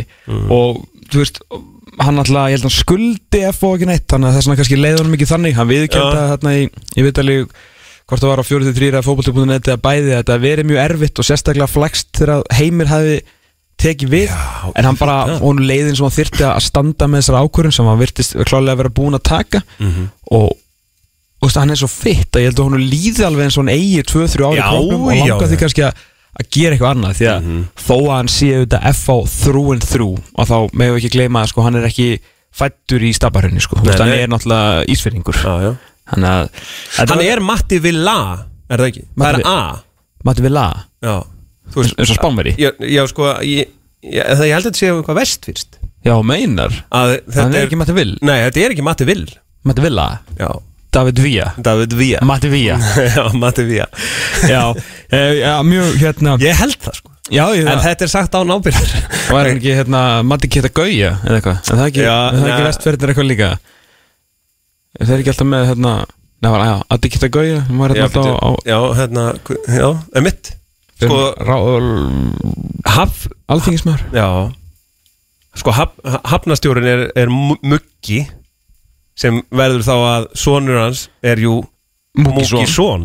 Hann er ekki hann er ekki ötti eins og að hann ötti var sko í laugaskóla og spilaði í mörgum frægum hljósutum sem að, voru þar og þar var hann bara ötti Mm. svo var einhver Múkisson en það er bara eitthvað vestvist það er svona held ég sko að það sé A Matti Villa? Já, Já, ég ætla bara að taka undir þetta sko.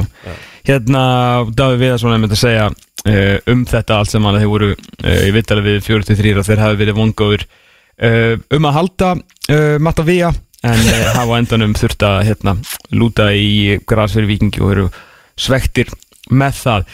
Önnur áhugaverð félagskipti í, vikunni eh, bara í gær að valsmaðurinn Birgir Baldursson fór óvænt í Káa mm. Það var búið að senda hann í val en uh, endaði á því bara að fara heim til Káa strákur sem að tók uh, stórstigum framfyrir með leikni á, á uh, núna á síðustu leiktíð var ég líklega bara besti leikmaður leiknis þegar hérna, þegar honum hvað best gekk og mm. alltaf bara vera áfram í, áfram í Káa af, eins og Sævar sagði hérna áðan kom í bæinn til þess að ganga endanlega frá þessu og fá hann heim. Svona nafn sem að kannski ekki margir þannig sem voru að fylgjast með þar sem hann var náttúrulega svolítið við botnin á deildinni lengi.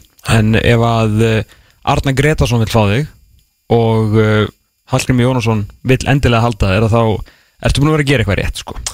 Já, meistri bagurur Það er þessi strákur. Ég held að það er ekkert við þess að þetta bæta. Sko. Nei, Það er bara, þú veist, já. Algjörlega. Já, gott líka fyrir Þetta þurfa alltaf fleiri leikmenn káa sko. Já, Og líka já. að þeir heima maður og... Já, ég held sé bara gott sæn. Uh, Gleim ekki hérna, ég ástæðan fyrir að ég datta þess út var að ég var að reyna að finna hérna uh, leiknisgæjan sem fór í stjörnuna. Hann var nú líka við botnin Já, þannig finns Nei, hann hérna sem að sleitt krossband núna. Hetja nú breiðaldi Hal... Já, Hilmar Árni. Hilmar Árni. Já, sem, fór, sem er ekki getað Já, þú veist, ég meina hann, hann var, var sem ekki lið sem var vildan þegar hann var- var að fara frá leikni Nei, það var enda ótrúlegt Þú veist, þannig að hérna leiknir er Breeders Club og ef þú stendur þig þar þá ertu góður Þetta er sem svolítið fyndið að ná Birgir Baldursson sko, hann fór að norðanum í Reykjavík til þess að fá að spila og velunin voru síðan að fá að spila aftur heim á Akurri Já, sko. en, en ljómandi fín uh, velun Svo hérna hluti líka að gerast í stjörninu og ég er svolítið ánað með stjörnuna þessa dagana Þeir Já. eru að bara taka ákvarðanir þeir eru að, að missa leikmenn út þeir eru að að henda einhverju leikmennum búin að fá inn Guma Kristjáns Mhm. uh, halda tóta og nú síðast að taka segir við ekki taka sjensin á Andra Adolfs hann er náttúrulega búin að vera svolítið mikið frá vegna höfuhögs eða ekki Jú, en náttúrulega við sáum alveg þegar Valur var upp á sitt besta þá var Andri Adolfsson aldrei langt frá því að vera einn af bestu leikmönnum í liðinu hrikalega öflugur leikmaður sem Já. ætti líka að henda þessum leikstíl frábólega ef hann kemst aftur á lappir sko. já, já, og er bara frábær karakter uh, Við höfum uh, við, í valspottinu, þetta er svona einn af okkar uppáhaldsmönnum Já. og við höfum mikið haldið með honum uh, Hann átti aðeins erfitt með þegar við vorum að reyna að prófa að vera hérna Uh, hafa leikmenn frá 10 til 12 af því að hann er í frábæri vinnu. Hann hafa svona aah, bólags, og hann var bara í jakkafötunum og taka fjárfundi og eitthvað svona. Hann er hérna frábækur frábær karakter uh, mér finnst hann ógeðslega góður í fótbolta sem er kannski það sem að skipti mestu máli þegar út að ræða um fótboltamenn. Mm -hmm. hann er hérna já, vissulega sko taka sjensinn og allt þannig en hann hlýtur að vera smá hungraður að, að hérna að spila þess ég, þú veist, hann er ekki að fara þarna til til að bara fara í sjúkraþjálfum sko. Nei, vandalega, ekki sko og uh, ætla að vera bara svona gæði sem er gaman að sjá að spila og verið svona gaman líka að myndi ná að að stíga eins, stíga eins upp úr þessu. En, en svona, það er eitt sem ég líka alltaf ánað með þegar maður sér þessar stjórnumyndir þegar þeir eru að vera að semja við ykkur unga leikmenn og nú er að sæna hérna Andra Adolfs og Gumma Kristjáns að það er alltaf að, að vita, mér líður alltaf aðeins betur fyrir hann stjórnunar þegar ég sé mynd af Totta. Skilu, þú veist, að því að uh, það er eitthvað einhvern veginn búin að gleyma Totta þannig séð sem hann búin að gera þarna góða hluti í Pepsi-markunum uh, síðan alltaf að þjálfa annarkvært liði í þessari, í þessari deild sko. En uh, náttúrulega er þarna yfir maður svona kransbyttumála einhvers konar í, Já. í garabænum og er svona aðeins að halda utanum hlutina, þetta er náttúrulega starf sem að sendi raun og veru samhliða því að þjálfa fram hérna á sínum tíma þegar hann gerði jú allt saman já, já, og við vitum að, að Þorvaldur Öllisson liggur ekki á skoðunum sínum og, og hérna er svona fastu fyrir og ég held að sé ég, við gæti trú að þetta væri svona maður sem að bara stjarnan sem félag bara þyrft á að halda sko. Já. maður ég þurfti maður að kynna þetta betur ég vil fá hann í viðtala því að maður hefur heyrt alls konar hluti um svona hvað er að gerast þannig baku tjöldinu og stjörninu og, hérna, og það svona er oft hvað á að segja, línulegt samhengi millið þess að maður hefur heyrt þarna og svolítið hnignunar liðsins undanfæran ár? Að þú það er þarf svolítið samstilt átak að koma liði úr endalursi topp og Európa-baráttu eitthvað niður töfluna? En þeir verðast að reyna að klífa þarna upp aftur. Samstilt átakt já, það, Já, það, þurfa, það, þurfa, það þarf rosa margt að ganga illa já, eins og séð hér bæði sem eins og tökum FH mm. Þetta er rosa samstilt átak hjá öllum Já, að já. basically fellaliðið sko, gleymum við ekki, þeir, fjallu í 22 fyrir. Já, með mitt þannig að heldur sér upp á markantölu já, já, þetta er það þarf, uh, sko margar hendur vinna létt verk og allt það en, en í báðar áttir.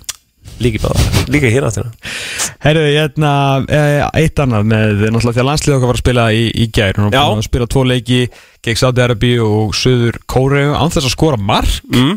Kannski ekki alveg það sem maður vil uh, veit ég hvort að liðið fari í mark gegn margar 180 mínútur í vináttuleikjum á þess að skora mark sko Nei. en við verðumst allan ekki alveg þarna á lefili við Suður Kóreu menn þeir verðast vera aðeins uh, Þetta eru betri bæðið í HM-lið, ekki?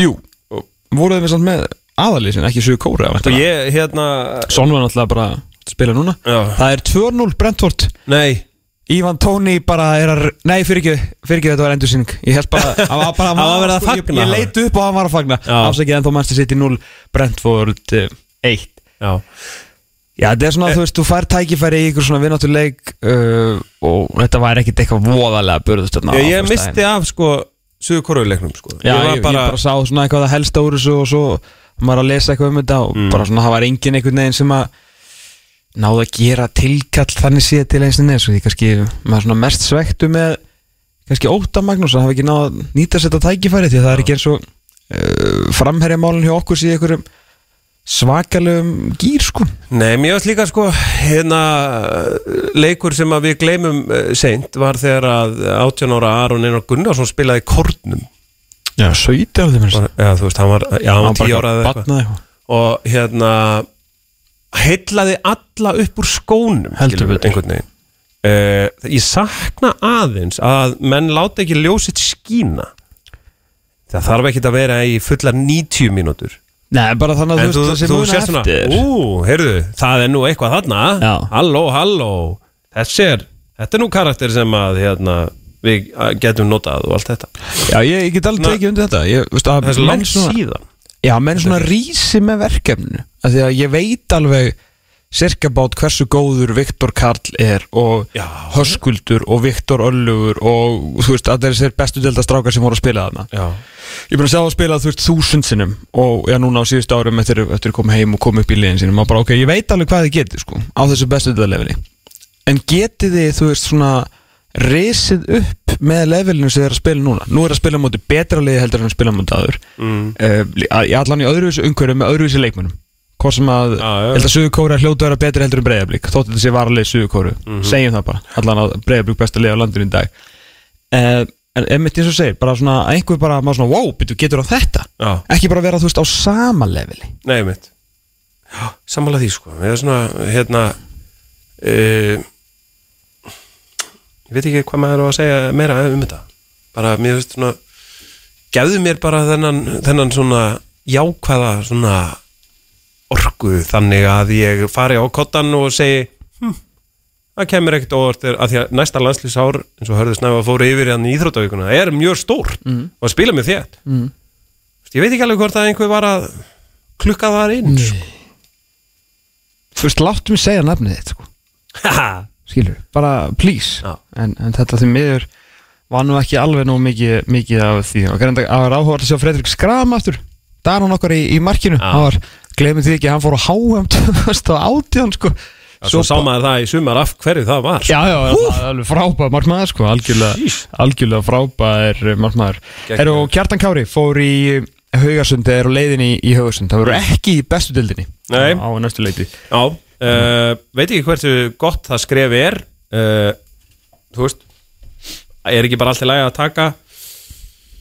Þú veist, manni finnst svona að því að maður var að tala við Valgir Lundal í gær uh, Mér varst Valli gera þetta vel, þú veist, fara í fjölni og er alveg einhver svona, einhvers konar annar flokks stjarna. Ef hann væri í öðrum flokki í dag, þú veist, nákvæmlega núna væri bara 18 ára, þú veist, þessi fljótt að breytast sko. Mhm. að þá væri hann mæntalega að fara í Kristján Hoppi Happ eitthvað. Algjörlega. veit ekki hvort það sé gott sko að fara, þú veist Alfred Fimbo tók eitt í umbyrjum breyðablík bara fyrir þar.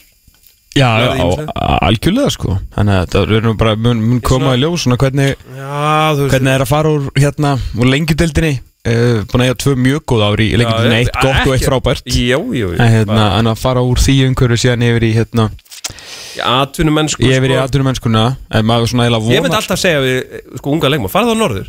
Prófaðu það í eitt ár, ef þú ferð að grænja þá getur þú bara farið, þú veist, í augnablika eða eitthvað, skilur En sko maður þarf að vona samt að hann sé að þið klári í svona æfingarútínu svipa, ég, þetta, ver- þetta verður aldrei svo heimið honum, um það alveg hreinu. Það er fátt meira kósi á Íslandi heldur en nesið. Það er bara svona að búa á nesinu er eins og búa undir, undir teppi sko, það er svo, það er svo þægilegt sko.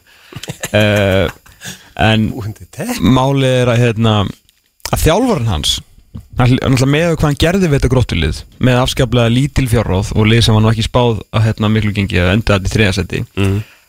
að eitthvað lítur hann nú að kunna sko það sem að kemur úr daginn að uh, hann er það öflugur og við svo líka með tengingar því að fótbolti er náttúrulega ekkert nema tengingar að hann er alltaf að fara í þjálfar eða stefni er alltaf að bjóða hann í þjálfarliði hjá Swansea sko. Já, þannig að uh, mitt maður veit ekki alveg hvað, hvað verður með þetta kemur ekkert eitthvað mikið óvart að myndi síðan bara koma heim en það er allt í Já. lagi að taka slæði heima það er ekki Já. langt til Norex Ég meina, þú veist Íslensk lið hafa alltaf verið hrifin af því að koma, þú veist, það er einhver atunum að koma heim, við bjóðum honum bara gull og græna skóa í raun og veru getna sko vera að hann er örugglega margfald að tjekkan sinn ef að hann síðan kemur heim sko. Já, hann kemur bara heim eftir uh, eitt ár og þú veist, fær þá góðan samning talandi um leikmann sem er alls ekki að koma heim en er samt samningslaus eftir eh, hérna, frábæra tíma með, með sínu félagsliði. Ég næ ekki alveg, hérna, ég þarf eiginlega að fá okkur frekari útskýringur á því sem er að gerast þetta en það er Alfons Samsteð. Já, Alfons Samsteð eh, var í bótu glimtliðinu sem að fekk 8000 stig og skoraði miljón mörg mm þetta var svona bara námunda. Uh, vann síðan deildina aftur búin að gera varði í rauninni Powerhouse Skandinavíu í, í, með hann í hægri bakgrunnu já, algjörlega. Og búin að ná ótrúlegum árangri í, í Evrópu sko, Vinna Róma tvísvar Hvað, the defense rest Já, þú veist, þetta er ekki Rosenborg eða Malmö sko. Nei, nei Þetta er bótu glimt Já, já. Eh, Þú veist, þetta er náttúrulega þetta er ótrúlegt Mm. En af hverju hann einhvern veginn en Það hlýtur að vera bara Új! Phil Foden að jafna metin með trilltu marki upp út af tíma fyrir hálfleiks hotspinna sem fór í gegnum allan pakkan kom yfir á fjärstungina þar sem að hann já ég sá ekki betur að hann hafi kontrað boltan upp í já, þagnetið þetta var, uh, þetta var fallegt Þetta var Nei, nei, hann, afskaplega ætlar að te hann tekur þetta af sko. Heldur það? Nei, það ekki Menn sjá, þetta? fyrir hvað þá? Já, þeir litu eitthvað á ákvotnan hann sko. Það er nákvæmlega ekki neitt að Heisu þessu tók, sérðu Þetta er árás Þú, ha? en hvað er hérna. Mér langar svo að vita Mér langar svo að vita hvað hann er að fara að gera Hvert er hann að fara? Hva, hvað er levelið á hann? Já, einmitt uh, Levelið uh, í fyrra Var ekki fyrra þeir voru að vinna Róma þarna og ná þessum úslitum Það eru Var líka að gera- mjög hátt sko Já, Það var bara rosa hátt uh, Bóto er, er hvað annað stær, uh, held að er að enda í öðru seti uh, Við erum vinnur á Instagram og ég fylgist með honum æfa. Engin æfir held ég bara uh, jafn, mikið nánast sko. Það er alveg rosalegt sko. Ok. Uh, hann hoppar mjög hátt. Hann er alltaf í sem sagt, hoppi, skoppi hoppi, skopp og sprettur í gegnum keilur. Það er mjög svona Alfons lega æfing. Hvert er levelið á honum? Sko hann lítur að vera með eitthvað klappa á klárt fyrst að þú veist hann er bara já takk fyrir, ok, yes sir þetta var geggjað tími, þetta var frábært bless bless mm hann er ekki ég meina hann fer bara í frí núna og svo kemur hann í janúar í Já, ég veit ekki veist, ég, Eru að spyr, í, eru að fara í Holland eða? ég spyr mig Er Alfons Samsteð lélegri heldur en Serge Aurier? Hann verið í hæri bakurinn hjá Nottingham Forest? Já, Já. Þetta, er bara, þetta snýst bara um tengingar og Ég segi það, er hann lélegri heldur en Lianco hjá, þú veist, að því að hann er alltaf ungur leikmaður, þannig til þess að gera. Hvað, hvað mótil er hann eftir, hann er eh, maður sjá, alveg samstöð, hann er eitthvað orðin 24 ára, samt sem á, ég minna 98 mótil 25 ára á næsta ári, þú veist, hann getur alveg verið í hæri, þú veist, er ekki hægt að koma hann bara í Premier League, gefa hann bara shot at it allan að halda ár, þó að liðið sem að fyrir í falli á, þá er hann í vestafalli Championship. Ég meina gæðin er búin að vera í þú veist, áttalegu úrslitum, eða skort það voru sextalegu úrslit, áttalegu úrslit, hérna sambasteldarinnar Ég veit ekki hvort þú sást þessa sendingu frá John Stones Hann er búin að vera ekkert eðlilega. Setjum hann bara, setjum samstóð í þarna sko. Já, samstæð í City Já. Ég held að það sé bara ágætist loka orð Er? Alfons samstæð í. City Tökum við aðra stutta pásu, komum tilbaka og ætlum þá að tala um enska boltan Stærsti leikur helgarinnar er eins og árið. Er árið 2002 en ekki 2022 Það er Newcastle Chelsea Exit. 977 og þú hlustar. Þú ert að hlusta á fótbolti.net á Exinu 977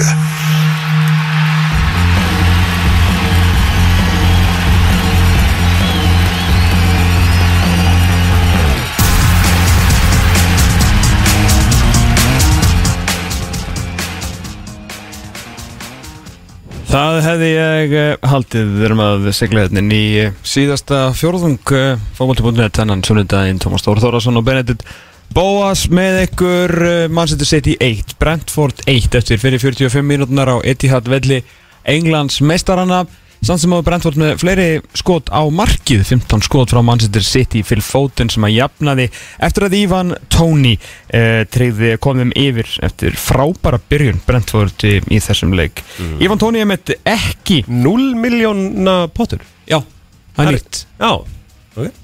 Þetta er bara svona ábyrg sem sagt uh, ábyrg veðmál. Mm. þú veist, og leggur ekkert undir og vinnur ekkert, skilja Pældi í Newcastle Chelsea 1730 það sem ég hef nú fylgst með Newcastle síðan 94 Herðu, já, 45% tippara segir 1 29 á dauða mínu og það sem er svo skrítið. Já.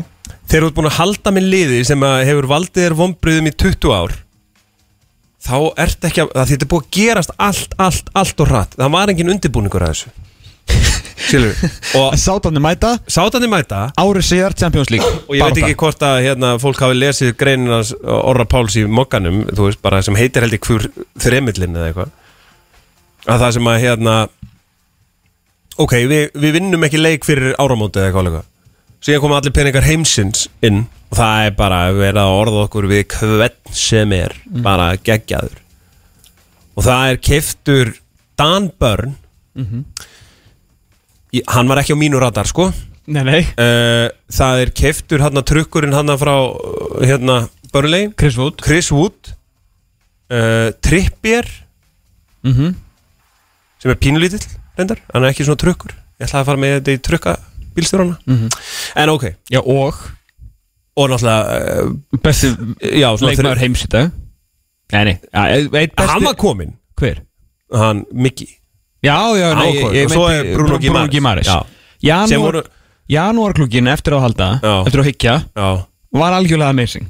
Já, en hann var ekki Já, þetta voru þrýra fjórum. Chris Wood náttúrulega var aldrei framtíðaplana Bara Callum Wilson helst ekki á löpunum. Og þetta voru tvær í einu höggi Þú fyrst gæja sem gætt haldið uppi boltanum Því að Eddie Howe fór bara í kickin run til að byrja með. Mhm. Og þú náttúrulega basically feldir Burnley. Já, það var bara frábært sko, og ég skildi það alveg að, að fara í, sko, svo held ég að myndum taka sko, James Ward Prowse og fara svona í liðin í kringum okkur Mattisson. og, Já, eitthvað svona, eitthvað þannig sko. Svo bara Nei, nei, nei, við tökum Dan fucking Burns sko. og hérna ég átti ekki vona á þessu uh, þegar ég stæði hér uh, 12. november 2022 að uh, helmingur tippara myndi segja að við munum vinna Chelsea Nei Ég held að hvað heldur það á sama tími fyrra Newcastle Chelsea væri að Hvað heldur að mörg Á- á þessum tíma? Já, á mörg prosent tippar að hefði verið með Chelsea sigur 94% Eða það ekki? Jú. Svona ángríns Jú, jú, bara, ég meina þá vorum við ekki Ég held við höfum ekki unni leik fyrir einhvern tíðan í november eða eitthvað sko. Þannig að það væri, ekki gegnum var það fyrir áramót bara Ég mani þetta ekki alveg Ég, ég það náði al- ekki grínlaus bara einhverjum 16 leikjum eða eitthvað Jú, þetta var ekkert eðla sorglegt Sko Og núna er bara leik, veist, allir leiki sem ég hef hort á Newcastle síðustu svona átta árin hafa eiginlega ekki verið með íslenskum þull Það er bara þannig. Þetta er bara alltaf á síminn þrjú og fimm og níu og valla síndur sko. Hæri, og stöðu sport 2, 3, Já, þú veist, það bara, eh, þú veist. Þú hefur fengið uh, hérna 12 leiki á ári Mm. basically. Og það er þegar ég spila mútið Big Six Já, uh, heim og heimann þá hefur fengið íslenskt tal. Stundum ekki einu svona Nei, var, var- Liverpool hérna Aston Villa já. og Arsenal Newcastle. Það var Arsenal Newcastle bara með ennskum Já, já, bara. Þannig að þú ert að kynna svilt af íslenskur Já, ég var hérna, alls konar lið þannig að farið að segja einhvern öfn og einhvern fráleik sko. hérna, en þetta er alveg rétt þetta er gerð svo, vorum að fara yfir þetta í vellinum um daginn. Svo veit ég þetta, þetta er gerð svo hratt. Já, ég veit ekkert hvernig ég á að tala eða, seg, þú veist, maður svona, já, já, mm, við erum bara svolítið góðir, sko. En, þú veist, ég get ekkert verið með hróka eða yfirgang af því að ég hef ekkert verið þannig síðan ég var ní- á- 18-19 ára, sko. Nei, um mitt og, og líka þú veist, svo meðvitaður um þetta getur náttúrulega alveg bröðið til begge vona þú vilt ekki fara að þennja kassan út núna bara til þess að setja pinni hann sko. Já, já eftir nei, þetta, bara, þetta er mjög skemmtilegt að meðan á þessu stendur. Mm. og það er bara, hérna, þú veist eins og við fórum í leikinu á móti Aston Villa hana. Það var bara eitthvað krús. Samt var það svona, hérna svona hérna njúkvæslu samfélagið e, sérstaklega ytra var svona þetta var nú ekki okkar bestileikur þetta, við getum nú gert betur. Bara, uh, ha, býtu, voru við ekki að vinna Aston Villa bara 4-0 og frekar svona rock solid? Já, ok. meðan svona, já, gera betur hérna. Bara, ha? Sko, svo hérna, náttúrulega 63 miljón hundar maðurinn Alistair Isak. Já. Hann er ekki ennþá farin á stað. Nei, við höfum hann inni. Þeir eiga hann inni Og náttúrulega ástrálska undrabarni sem mætir í janúar. Má, hérna, fólk ætti nú endilega að, hérna, að fylgjast með eins langt og þið nenni þínu að fylgjast með ástrálska landsliðinu sem er á, á, er á HM að hinn átjörnuna gamli Garan Kól eh, sem var keftur frá stórliði Central Coast Mariners. Já, já, að hérna, þykir, mikið, mikið viðskiptið samband við þá. Já, þykir, hérna, eitt mest efni bara í, í eigálfu og hann verður mættur um, til njúkast í janúar. Eða þess að hann klárar þetta í janúar janúar glukkan sko. Svo verður líka bara spennand að sjá, þú veist, eins og Eddie Howe var að segja, sko, ég meina það eru fullt af leikmunum, veist, ég hugsa að Newcastle gæti alveg kipt sjá Felix, sko, það var ábygglega ekkert vandamál, en af hverju, þú veist, eins og hann var að segja, sko, veist, ég, ég vil ekki fá hvert sem er, þú veist, hann verður að passa inn í og verður að vilja eh, leggja á sig, veist, verður að skilja það að Bruno Gimares stýrir umferðinni, þú veist, hann verður bara, það er ekki, sko, neikvætt body language, ég held að Eddie Howe hati það meir en pestina, já, Þannig að hérna og maður sá það svona þegar þeir fengi á sig markanu daginn. Fyrir utan það. Við, við erum bara með besta varnalið Er þetta í, í grínast? deildinni? Í, deildinni og sko við erum með Pope sem enginn vildi kaupa og við, hann kostaði 10 miljónir 10 milljónir. 10 miljónir síðan erum við með Trippier sem kostaði 12 og með Botman sem er reynda dýr en þú veist, geðveikur við erum með hérna Fabian Scher sem er held ég myndalegasti maðurinn í ennska pff, wow, Fabian Scher var svo lélug hann er mjög liður já, hann er bara góður bara- undir stjórn þetta hjá Já og Botman gerir hann náttúrulega þetta er bara eins og hérna hafa Virgil van Dijk hann að sér sko, þú getur hver sem er lítur vel út Svo ertu með hann að tröllið Dan Burn í vinstri bakveri Þú veist þetta rugg Og Dan Börn alltaf spilaði miðvörð skiluru þegar hann var að berga ykkur frá falli í fyrra. Að fyrir ekki í lók síðans tímbil svo var það algjörlega frábær. En var náttúrulega þekktu fyrir að spila uh, hávaksin vinstribangur hjá, hjá Brighton. Mm. en náttúrulega þetta með, með Nick Pope er náttúrulega ótrúlegt sko. ég, það er mjög held ég auðvelt að halda því fram að Newcastle sé með bestu kaupin í síðustu tveimu glugum Bruno Gimares er algjörlega amazing. Mhm. og ég ætla að spá því að hann verði í umræðinni og búin að spá því í, í ykkur svona segment sem verður á fókvöldi.net núna í Já, Dranda Móts, ég held að var vantalið í næstu viku sko.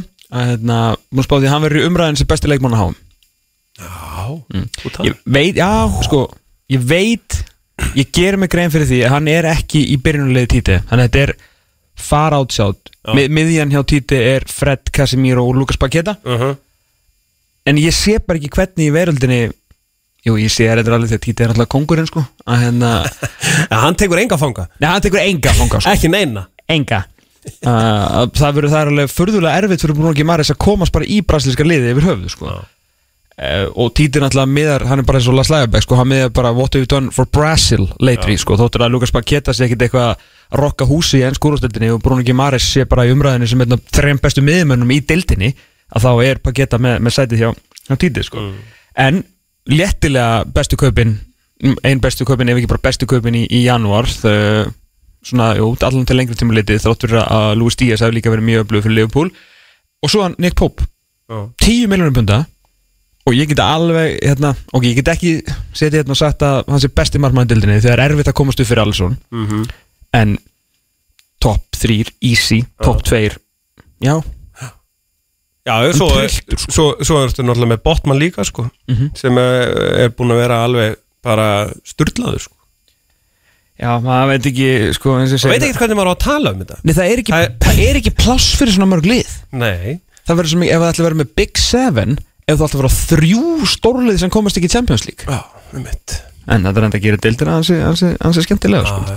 Herru, það eru hérna leikir í dag að leikur klukkan þrjú viðleik Liverpool og Southampton og leikir þetta klukkan 5 Bournemouth, Everton, Tottenham Leeds, Vestham, Leicester og síðan í dag eins og við vorum að tala um Newcastle Chelsea og í kvöld, það er að auka kick-off í kvöld klukkan 19.45 þar sem að Úlfarnir taka móti Arsenal, maður sér það í hverju einasta viðtali núna við Mikael Arteta að hann er ég ætla að giska að hann sé ekki bara að gera þetta í gegnum hérna uh, fjölmila, hann er pottið að tala við Edu allan daginn að hann vanti leikmenn í janúar ef hann er að geta haldið þessu gangandi. En Mhm. hann er líka alveg að koma þess út í kosmosi til þess að fá pressu vandala utan að komandi því að stundismenn svona liða og sérstaklega Arsenal hafa mik mikil áhrif á, á það sem að gerist hjá, hjá klubnum Mhm. og ég meina er þetta ekki eina rétta hjá honum? Ég meina, það er ekki sko, ég, ég hef ekki sagt stigðar yrði um Arsenal á þessu tímbili það hefur engin, ekki verið neinn ástæði til og maður er búin að keppast við að lofa og ég er búin að vera að hrifin af Arteta og öllu sem hann og Edur er að gera núna í langan, langan tíma Mhm. en það breytir því ekki að ég held, ég er alltaf nokkuð fullur sem það að það er ekki sensið vinnir þess að deild eða bara ekki vissleikmenn Já, hérna, kannski einu vombriðin hjá Arsenal er einhvers konar Fabio Vieira, það ekki? Er svona, hann er bara ekkert komist í liðu, menn hann startaði eitt leik og skoraði já, hann gerði það. Já. rullu yfir hérna Brentford, hann startaði fyrir Martin Ödegard og var bara fýtt sko en þú veist, ég ætla ekki að segja þeir eiga hann inni ég held að muni ekki taka mikinn þátt frekar en að þess þurfi á tímbilinu bara svona gæði sem hefur svona bara já. leint og ljóst að koma inn í þetta.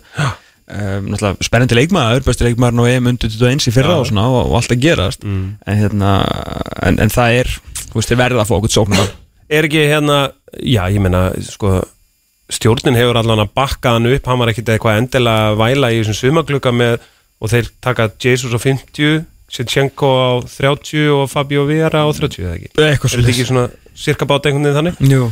That's about it uh, Nú þurfum við kannski að fara í hvað, svona 12 til 25 miljónar pundamennina svona til að dýfka aðeins uh, starð liðsins og ég hópsins segi bara go big or go the fuck home sko Aha, er það no. það? En sko, ert ekki Hvernig- þá með sko eins og sak, þú veist, hver er allar að taka út? Saka, hérna, Martinelli eða Jesus? engan. Þú ert með, hann er með bara sitt front 3 skilur, en, en þú þart uh, ef, ef hann ætlar að vinna Europadildina Mm. þá getur Rhys Nelson og Eddie Nketiah ekki spilað þú veist, þú er komin í Já, áttarúsildina og þá eru þessi gæði fættin að spila á 50 dögum líka. Mm og svo kom, gleymið því ekki þeir eftir að spila tvisa við Manchester City og hérna, ætla að spila tvisa við Newcastle skilu, það eru stór, reisastóra leikir eftir og svo auðvitað all uh, já þetta er réttið þessi hérna tókur endar Svo uh, held ég stundu þegar þú segir svona eitthvað Spilaðu spila Manchester City Spilaðu Manchester Newcastle. Þá er ég bara svona, hann rugglaðist já, Það, ég er það. Já, já, bara Newcastle sé bara leiku fyrir það Já. ég meina, glemir ekki til liðið sem að henda þeim út um Champions League í vor, sko. Þetta er alveg magna að hérna, Ha? Já. Þið ganga frá því mér finnst þér rosalega mikið orðaði við hann. Já, ok. Of mikið kannski til að uh, það gangi ekki upp. Já, ég er svona, þú veist, það er ef þið fá Múdrik að þá eru konum með eitthvað option, sérstaklega svona Evrópu option. Hvers, Já, hversu fljótu sem hann yrði að aðlegast hérna Premier League að þá verður þetta allan leikmaður sem myndi hjálpa þeim að tala verulega á later stages í Evrópudildinni Ég mér veist allan að það sem maður hefur séð á honum í meistardeildinni mm -hmm. E, við kennum það alveg fúslega að ég er ekki að tjúna inn á hann í deildarleikunum en það sem hefur séð er alveg að það eru gæðið þarna sem maður getur alveg nýst hvaða liðið sem er. Já. og þú veist, hann myndir ekki þurfa þú veist, að því hann tala náttúrulega enga ennsku væntalega þá bara kemur hann inn og gerir sitt sko. Og það er alveg nóg sko. Já, algjörlega sko. Það er nú einhver sitt í með þessi liggur og liggur hérna að liggja heldur lengi að þetta höfumesslega Já, virtist blæða grimmilega úr enninu Sástu hvað það var það? Mér langar að segja að fyrst að hann er John Stones, ég held þetta að vera hann en þá held ég þetta sé Laporte Á, hann var nú ekki kannski við, við hérna frekara meðslum sá, sá ágæti maður Herru, það er hérna, deildin er svona þetta er svolítið skrítið, það er maður myndi segja að hún sé eiginlega hálnuð samt er hún, að það er, þú veist, þetta er 16. umferðin sem Já. er að spila núna, samt verða lið búin með 14 og 15 leiki þannig að það vantar svona smá upp á hérna að deildin sé hálnuð hver er hérna, hver er svona þeirn player of the season? Hinga uh, fyrri parts móts ef ég hérna má setja það á on the spot. Ef ég var að taka Haaland Brútur í svega að það er óauglust Já, sko, uh, hérna Já, ok, myndur bara gefa honum velun Já, bara fyrir, já, já, já ég meina Ok, það, og það, það er bara svo Þetta er eiginlega leiðilt að ræða þetta hann er svo Já. auglust En hver er hann Já, á eftir ef, við setjum, þetta er eins og hann að Callum Wilson sagði, hann að, ég meina, við erum bara, allir hinn er að keppum silfurskóin, sko. Þú veist, það er stærsta keppnin í þessari deild, sko. Já. Þú veist, gefið honum bara einhvern guldskó, en þú veist, hafið silfurskóin almennilegt velun og eitthvað, það var mjög fyndið. Hún er líka alvöru, sko Með Harry Kane 11, Mitrovic 9 Besta leikmann heims, Miki Almirón Já. Með 8 Tony, hann er komin í 9 þá núna. Mm. Rodrigo, Leandro Trossard Þú veist, það er fullt af skemmtilegum nöfnum Með baratunum hinn virta silfur, sko. Já, sko Arsenal er þá toppnum. Uh, ef við tökum uh, bara hérna hver er þar uh, sem er svona búin að vera sko mjög að Jesus alveg ógeðslega góður í svona fyrstu fimm Þa, þú veist, þá var ég bara, heyrðu, what the hell sko? Já. þá var hann bara að halda mönnum og trukkum og tröllum hann í varnalínunni hann er búin, að gera það áfram en ekki skila neinum mörgum með stóðsningu Já, það er svona, Hann er fallið aðeins Já. úr umræðinu þar að gerir mikið fyrir lið já, rosa, rosa mikið og þú veist, ábyggilega bara alltaf uh, ég get ekki sagt uh, að Ben White sé eitthvað Nei, nei, nei, þú nei, veist, það en, en hann er búin að vera ó, bara ógeðslega góður. Óbúslega Að háa. Saliba er búin að vera frábær. En, En- besti leikmaður Arsenal af því að Ég var mjög erfitt að gera upp á milli Jesus, Martinelli og Saka. Mér finnst það svo mikið Já. teimi Já, Þú veist, þeir eru allir þarna eitthvað 5, 4, 3, 4, 3 skilu, þeir eru allir með svona um það 10 mörg hérna, sem eru komið með beinum hætti að. Mig Besti leik, já, besti leikmaður Arsenal er Granit Saka uh, Chaka, einmitt. það er unbelievable sko. Já, ég eh, Já, ég veit ekki hvað Ég held náttúrulega sko Alveg í hreinskilni held ég að ferill hans væri farin í vaskin þegar hann hendi treyjunni og fór á fokköllum og var eitthvað svona. En uh, nei hann ákvað bara að taka sig á ég veit ekki alveg hvað þú veist og hérna já, Þetta er ótrúlegt sko. Þannig að hann er búin að vera geggjaður. Mikki Almirón, minn maður hefur náttúrulega verið amazing. Já, sérstaklega í síðustu sko áttaleik Já. En þá vantaði aðra átta. Já, En það sem hann var ekkit eitthvað Þú veist, þar var hann bara Miki Mikki. Svo hérna uh, Í sittiliðinu hefur náttúrulega sko, Kevin De Bruyne hefur náttúrulega verið á sínum eldi og hérna Gekkjaður og Ederson og, og allt það. Uh, mér finnst náttúrulega Allison búin að vera sko heilt yfir uh, bara alveg ógæðslega góður. Mm -hmm. þú veist alveg bara bara wow, þú veist hann það sem hann er að verja og, og lagði upp hann var, uh, var ekki mann Tottenham þegar hann þrumaði boltanum hann á Sala var á City, Og City? Laði upp segumarkið já, alveg rétt. Sjá Cancelo klikkaði hann mm -hmm. Þá sagði Ederson Hold my beer. Senda langar fyrir, fyrir Holland sko. Ömmið uh, Ég skil ekki að Tottenham og Chelsea skuli verið fjórða og sjöunda sæti til dæmis? Nú, Mér finnst Tottenham bara Mér finnst Tottenham bara ekki geta Mér finnst bara Spila svo leiðileg Já, sko, þeir, Þetta þetta er svona- þeir svæfa allar svo mikið í fyrirháleiknum Við töluðum við. Gretarab hérna, Já. eftirleik Sérst bara, bara hérna í, í fjóramanna tali uh, Undir átta augu. Já. Og Bjarni spyr hann bara svona herri, Hvað hérna, þetta var ekki gott. Hann var svona drullu svektu með þetta Alltaf mikill keppnismæður Segir svona við okkur sko Bara enn og aftur eru umulegri fyrirháleik sko. Bara, ég skil ekki hvað er í gangi. Og bara þeir eru búin að eiga svo marga marga leiki þar sem þeir eru dabrir í fyrirháleik Er að lenda undir leikjum Þurfa að fara hérna að segja þetta. Og þá segir hann sko svo í þessum hálfleik, í setni hálfleiknum hér gegn Liverpool, alveg eins og bara ég var að horfa á Tottenham liði hérna dag við erum bara eins og Manchester City þegar við erum að sækja leikina. Það eru bara, bara hérna, miðvarða overlap hægri vinstri, við erum að skapa okkur endalust af færum bara ef við myndum spila svona frá fyrstu mínútu þú veist, þá væru bara í baróttur um titlin sko. og ég bara, á, fair enough, Ég meina, þú veist, ég ætla ekki að ringja þig, þú getur að stimst sko. Að hérna en þá, en þú veist, þá það er alltaf ekki Gretas að virkja þetta í fyrirháleiknum, sko, það er alltaf konti sem þetta að gera það. Mhm. og þeir eru alltaf búin að svæfa allt og alla í fyrirháleiknum, sko. Þetta er svo ógeðslega passíft og svæfa alltaf í fyrirháleik en það sem að ég vil að meira ágjur af er þetta Chelsea-lið, sko.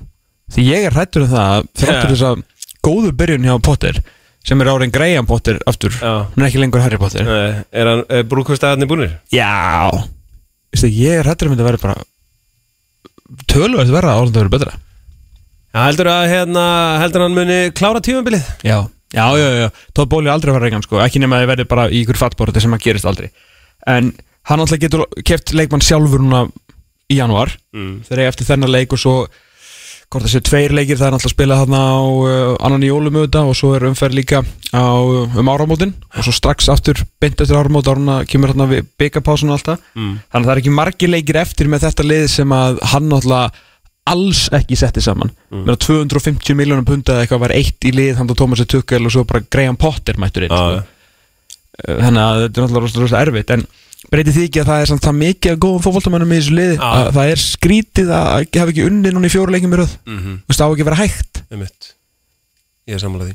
Er hérna, hefur rætt eitthvað við eismára eins og þú veist uh, í, í liði Chelsea eru ekkert eðlilega margir sigurvera sem hafa lift HM byggurum, meistaradeildinni þessum byggara og eitthvað svona? Svo kemur eitthvað Graham Potter, þú veist bara fólksvakan bjöllunni og, og eitthvað svona ég, Sko, ég, ég hef ekki verið í atvinnumanna umhverfi uh, Ég hef oft spáð í þessu sko, hvort að, þú veist, þegar hann kemur inn og byrjar að tala, eru þið þá bara eitthvað hvað var hann að segja? Já, ég palti þessu líka sko. Og ég held að sé engin tilvölun að hann sé mættur í einhver 200 skrónar frakka og búin að snirta á sig skeggið sko. Já, Þú veist, það hefur bara einhver af þessum bandaríkjumannum myndi ég halda, sagt bara, herru já, hérna svo kallum að þú ert ekki Chelsea er ekki, hérna, traksútlið sko. Já, já Skilur, og þú þarft að vera, þú þarft að, að því að þú hefur ekkert þú hefur enga ferilskrá til þess að lappa í andliti á Tíko Silva og bara, akkur er alltaf dett á raskati hérna? Mhm. þá segir hann bara fyrirgeðvinur fokkaðir Já, já, um mitt þannig að hérna, ég, ég áfpælti þessu líka svona þessu, hvað, hvað sem ekki presen skiptir með Já. saman með, saman með Ten Hag. Hann er, er enda alveg farið í ústilda leik og hérna, eitthvað í Európu og náttúrulega unni titla í Hollandi og svona skilur við en þú þarf samt eitthvað please. ef þú hefur ekki CV Þetta? Please, please, Hann segir alltaf please, hann er good evening, kallinn já, Þá segir Ten Hag that, uh, Thank you for your time Much appreciated Þá segir hann please please Já, ha? ég Í er bara að tekja það segir alltaf, hérna, Bjarni bæntum mér á það hann segir alltaf, hæ? já, Hæ? Þú veist, ef hann kom einhverja punta álega sem bara svona We have to do better in, in, in, do better in your offensive half huh? Mm. Það er svona, alltaf, hann vill alltaf að þú acknowledge það sem Já. hann segja sko. Ég held líka að sko, Ten Hag er náttúrulega í tannréttingum. Það er ekki cool. Hann er náttúrulega með einhverja skinnur svona á tönnunum sko. Það er uh, augljóst. Hann er hérna presence, veit það ekki? Það verður skipta miklu máli. Ég meina, það er alltaf ég að fyndi að sjá myndir af mínu manni Jörgen Klopp sko, frá því gamla dag þegar hann var bara var bara venjulegur sveitakall Já, frá, hérna, frá Þýskalandi sko. nú náttúrulega er hann með það svo beina sko, að Bobby og er bara öfundsjúkur sko. Já, já og náttúrulega, sko, klopparinn náttúrulega sagði skilið við Opel sem er eiginlega stærstu fréttir tíumbilsins, sko. Á þessu tímbili Já, skiptið þér í hvað? það skiptir í Volkswagen, held ég. Já, Hann og Opel hafa gengið, sko, það er rosalegt samstarf sem var alltaf þar á milli. Já, og þetta var svona, hérna svo bara, þú veist, er hann náttúrulega orðin Jürgen Klopp. Þannig að hann, hérna skiptum bílaframleðenda Hvers, mér finnst ennþá skrítið að sjá hann í Adidas sko. Já, Ég, þú veist, af því að bara, þú veist, Leopold er alltaf Nike Já. En hann er bara, sorry Ég er bara Adidas. Já. Þú veist, hann er bara samningið þar og er bara alltaf í Adidas sko já. En hann er En flott besti leikmaðurinn uh, það er uh, Erling Braut Holland Já. því bara þetta er, Við verður ekki breytt. þetta er auðveldasta teik í heimi. Já. Uh, þannig að Ef þú mætti velja þér eitt leikmann í Newcastle Raunhavan Núna? Hvað kaupir í januar? Vá, þú veist ég var með alls konar pælingar í síðasta klukka og þá kom Dan Byrne. Já. Uh, þannig að ég ég, ætla að setja einfaldara fyrir þig. Já, JVP eða Madison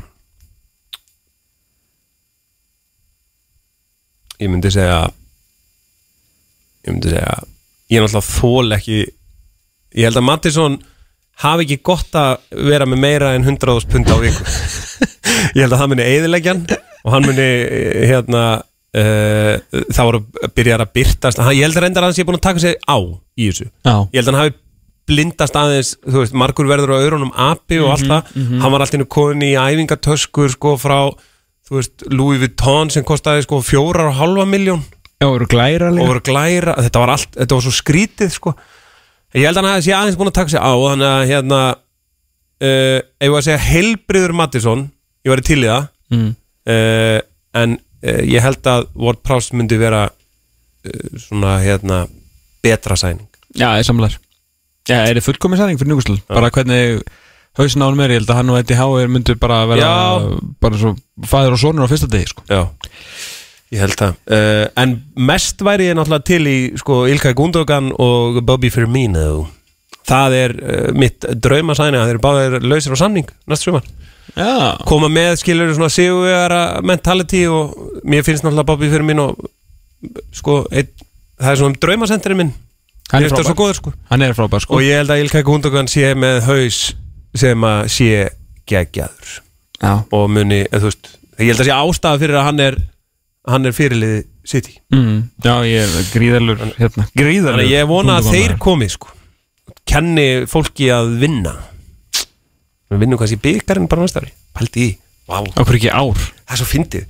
Þú veist, ég hef aldrei haft í rauninni þú veist, ég er of ungur til að upplifa gullöldina og allt þetta og vera eitthvað svona, já, ég hef ekki að fara til Newcastle og fara á mestaradildaleik en þú veist, ef að Newcastle fara í byggarúslit á næsta ári þú veist, ég hef mættur, sko. Þau eru bara fyrir undanúslit ég er bara, Þú veist það, er undanúslit já, en ég meina þú veist, þá, þá er ég að fara, þá er ég ekki að fara í svona, þú veist, þetta svona eins og maður var að fara í veist, þegar uh, Óli vinnum minn bjó í Edinborg. Mm. þá var maður bara að fara til að horfa á tableik, sko. Þú veist, bara, Þú fórst bara með honum á Newcastle Manchester United. Já, bara þú veist, og eitthvað svona veist, það, Við áttum aldrei breyk sko. En núna er það Já, þetta er undarlegt. Er undarlegt þeir komast í undanúslitin í byggandum uh, og ég er ekki að vinna þá ekki ef þetta verður stilt upp þannig, kem ég með þér í Newcastle 3 sko. Já.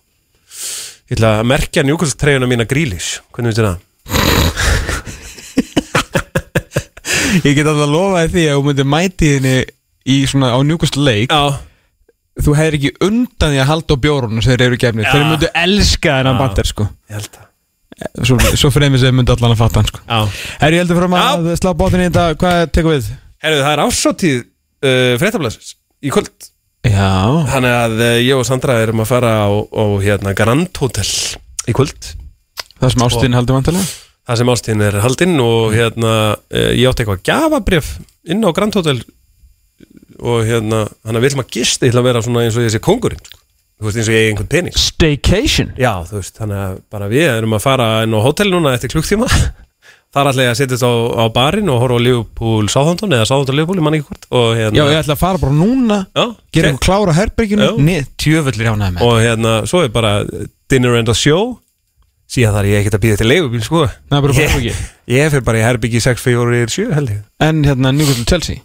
Hann er 17.30 Já, Hann er bara tekin í símanum á borðið ég skilji, ég skilji Það er bara, hérna Það verður Það gerir stundum, sko, þegar að, hérna Þegar svona leikir eru Mm. Og það tekur maður þetta bara svona Mhm, mhm, mhm, mhm Mhm. Og þetta er búið að vera gott ár hjá okkur. Mhm, mhm, mhm. Ég held að, herru Benni, takk hjá alveg fyrir að stíga inn að vanda. Fókbólti.net er búinn þennan laugardaginn. L.O.G. Magnússon uh, verður vantilega komið hér eftir viku. Uh, Ég veit ekki hvort að ég verð þá eftir að gefa út uh, Er ég aftur eftir viku? Gæti verið, fyrir eftir hvernig leikjaplanið á mestramóti BH er þar sem ég stefni á sigur. Það er þannig? Já, Þú og, hérna, þinn makkar? Nei, ég kom með nýja makkar. Býtu, býtu Já, Ok, erfiðar ákvarðanir? Nei. Þú skilur þessar ákvarðanir sem Sæfa Pétursson var að taka hérna í upphæði þáttan Úlfur sleit uh, hásinn upp á káa Nei. Í hálft ár. Ok. Þannig að uh, ákvörðum var ekki, ekki erfið sko. Nei. Þannig að ég ætla hann stærn og segur næstu helgi á mestramóti BH Veit ég samt ekki alveg hvort ég sé að spila á lögati eða sundi Með Von- hver er makkarinn? Hann er hallur. Ó, Er hann að koma í þáttinu þá? Við fáum að greina hérna Lengu deildina kannski eftir eftir tvær vikur En Elva Geir verður að minnstakosti hérna eftir 6 og 22 tíma. Þannig til, verið sæl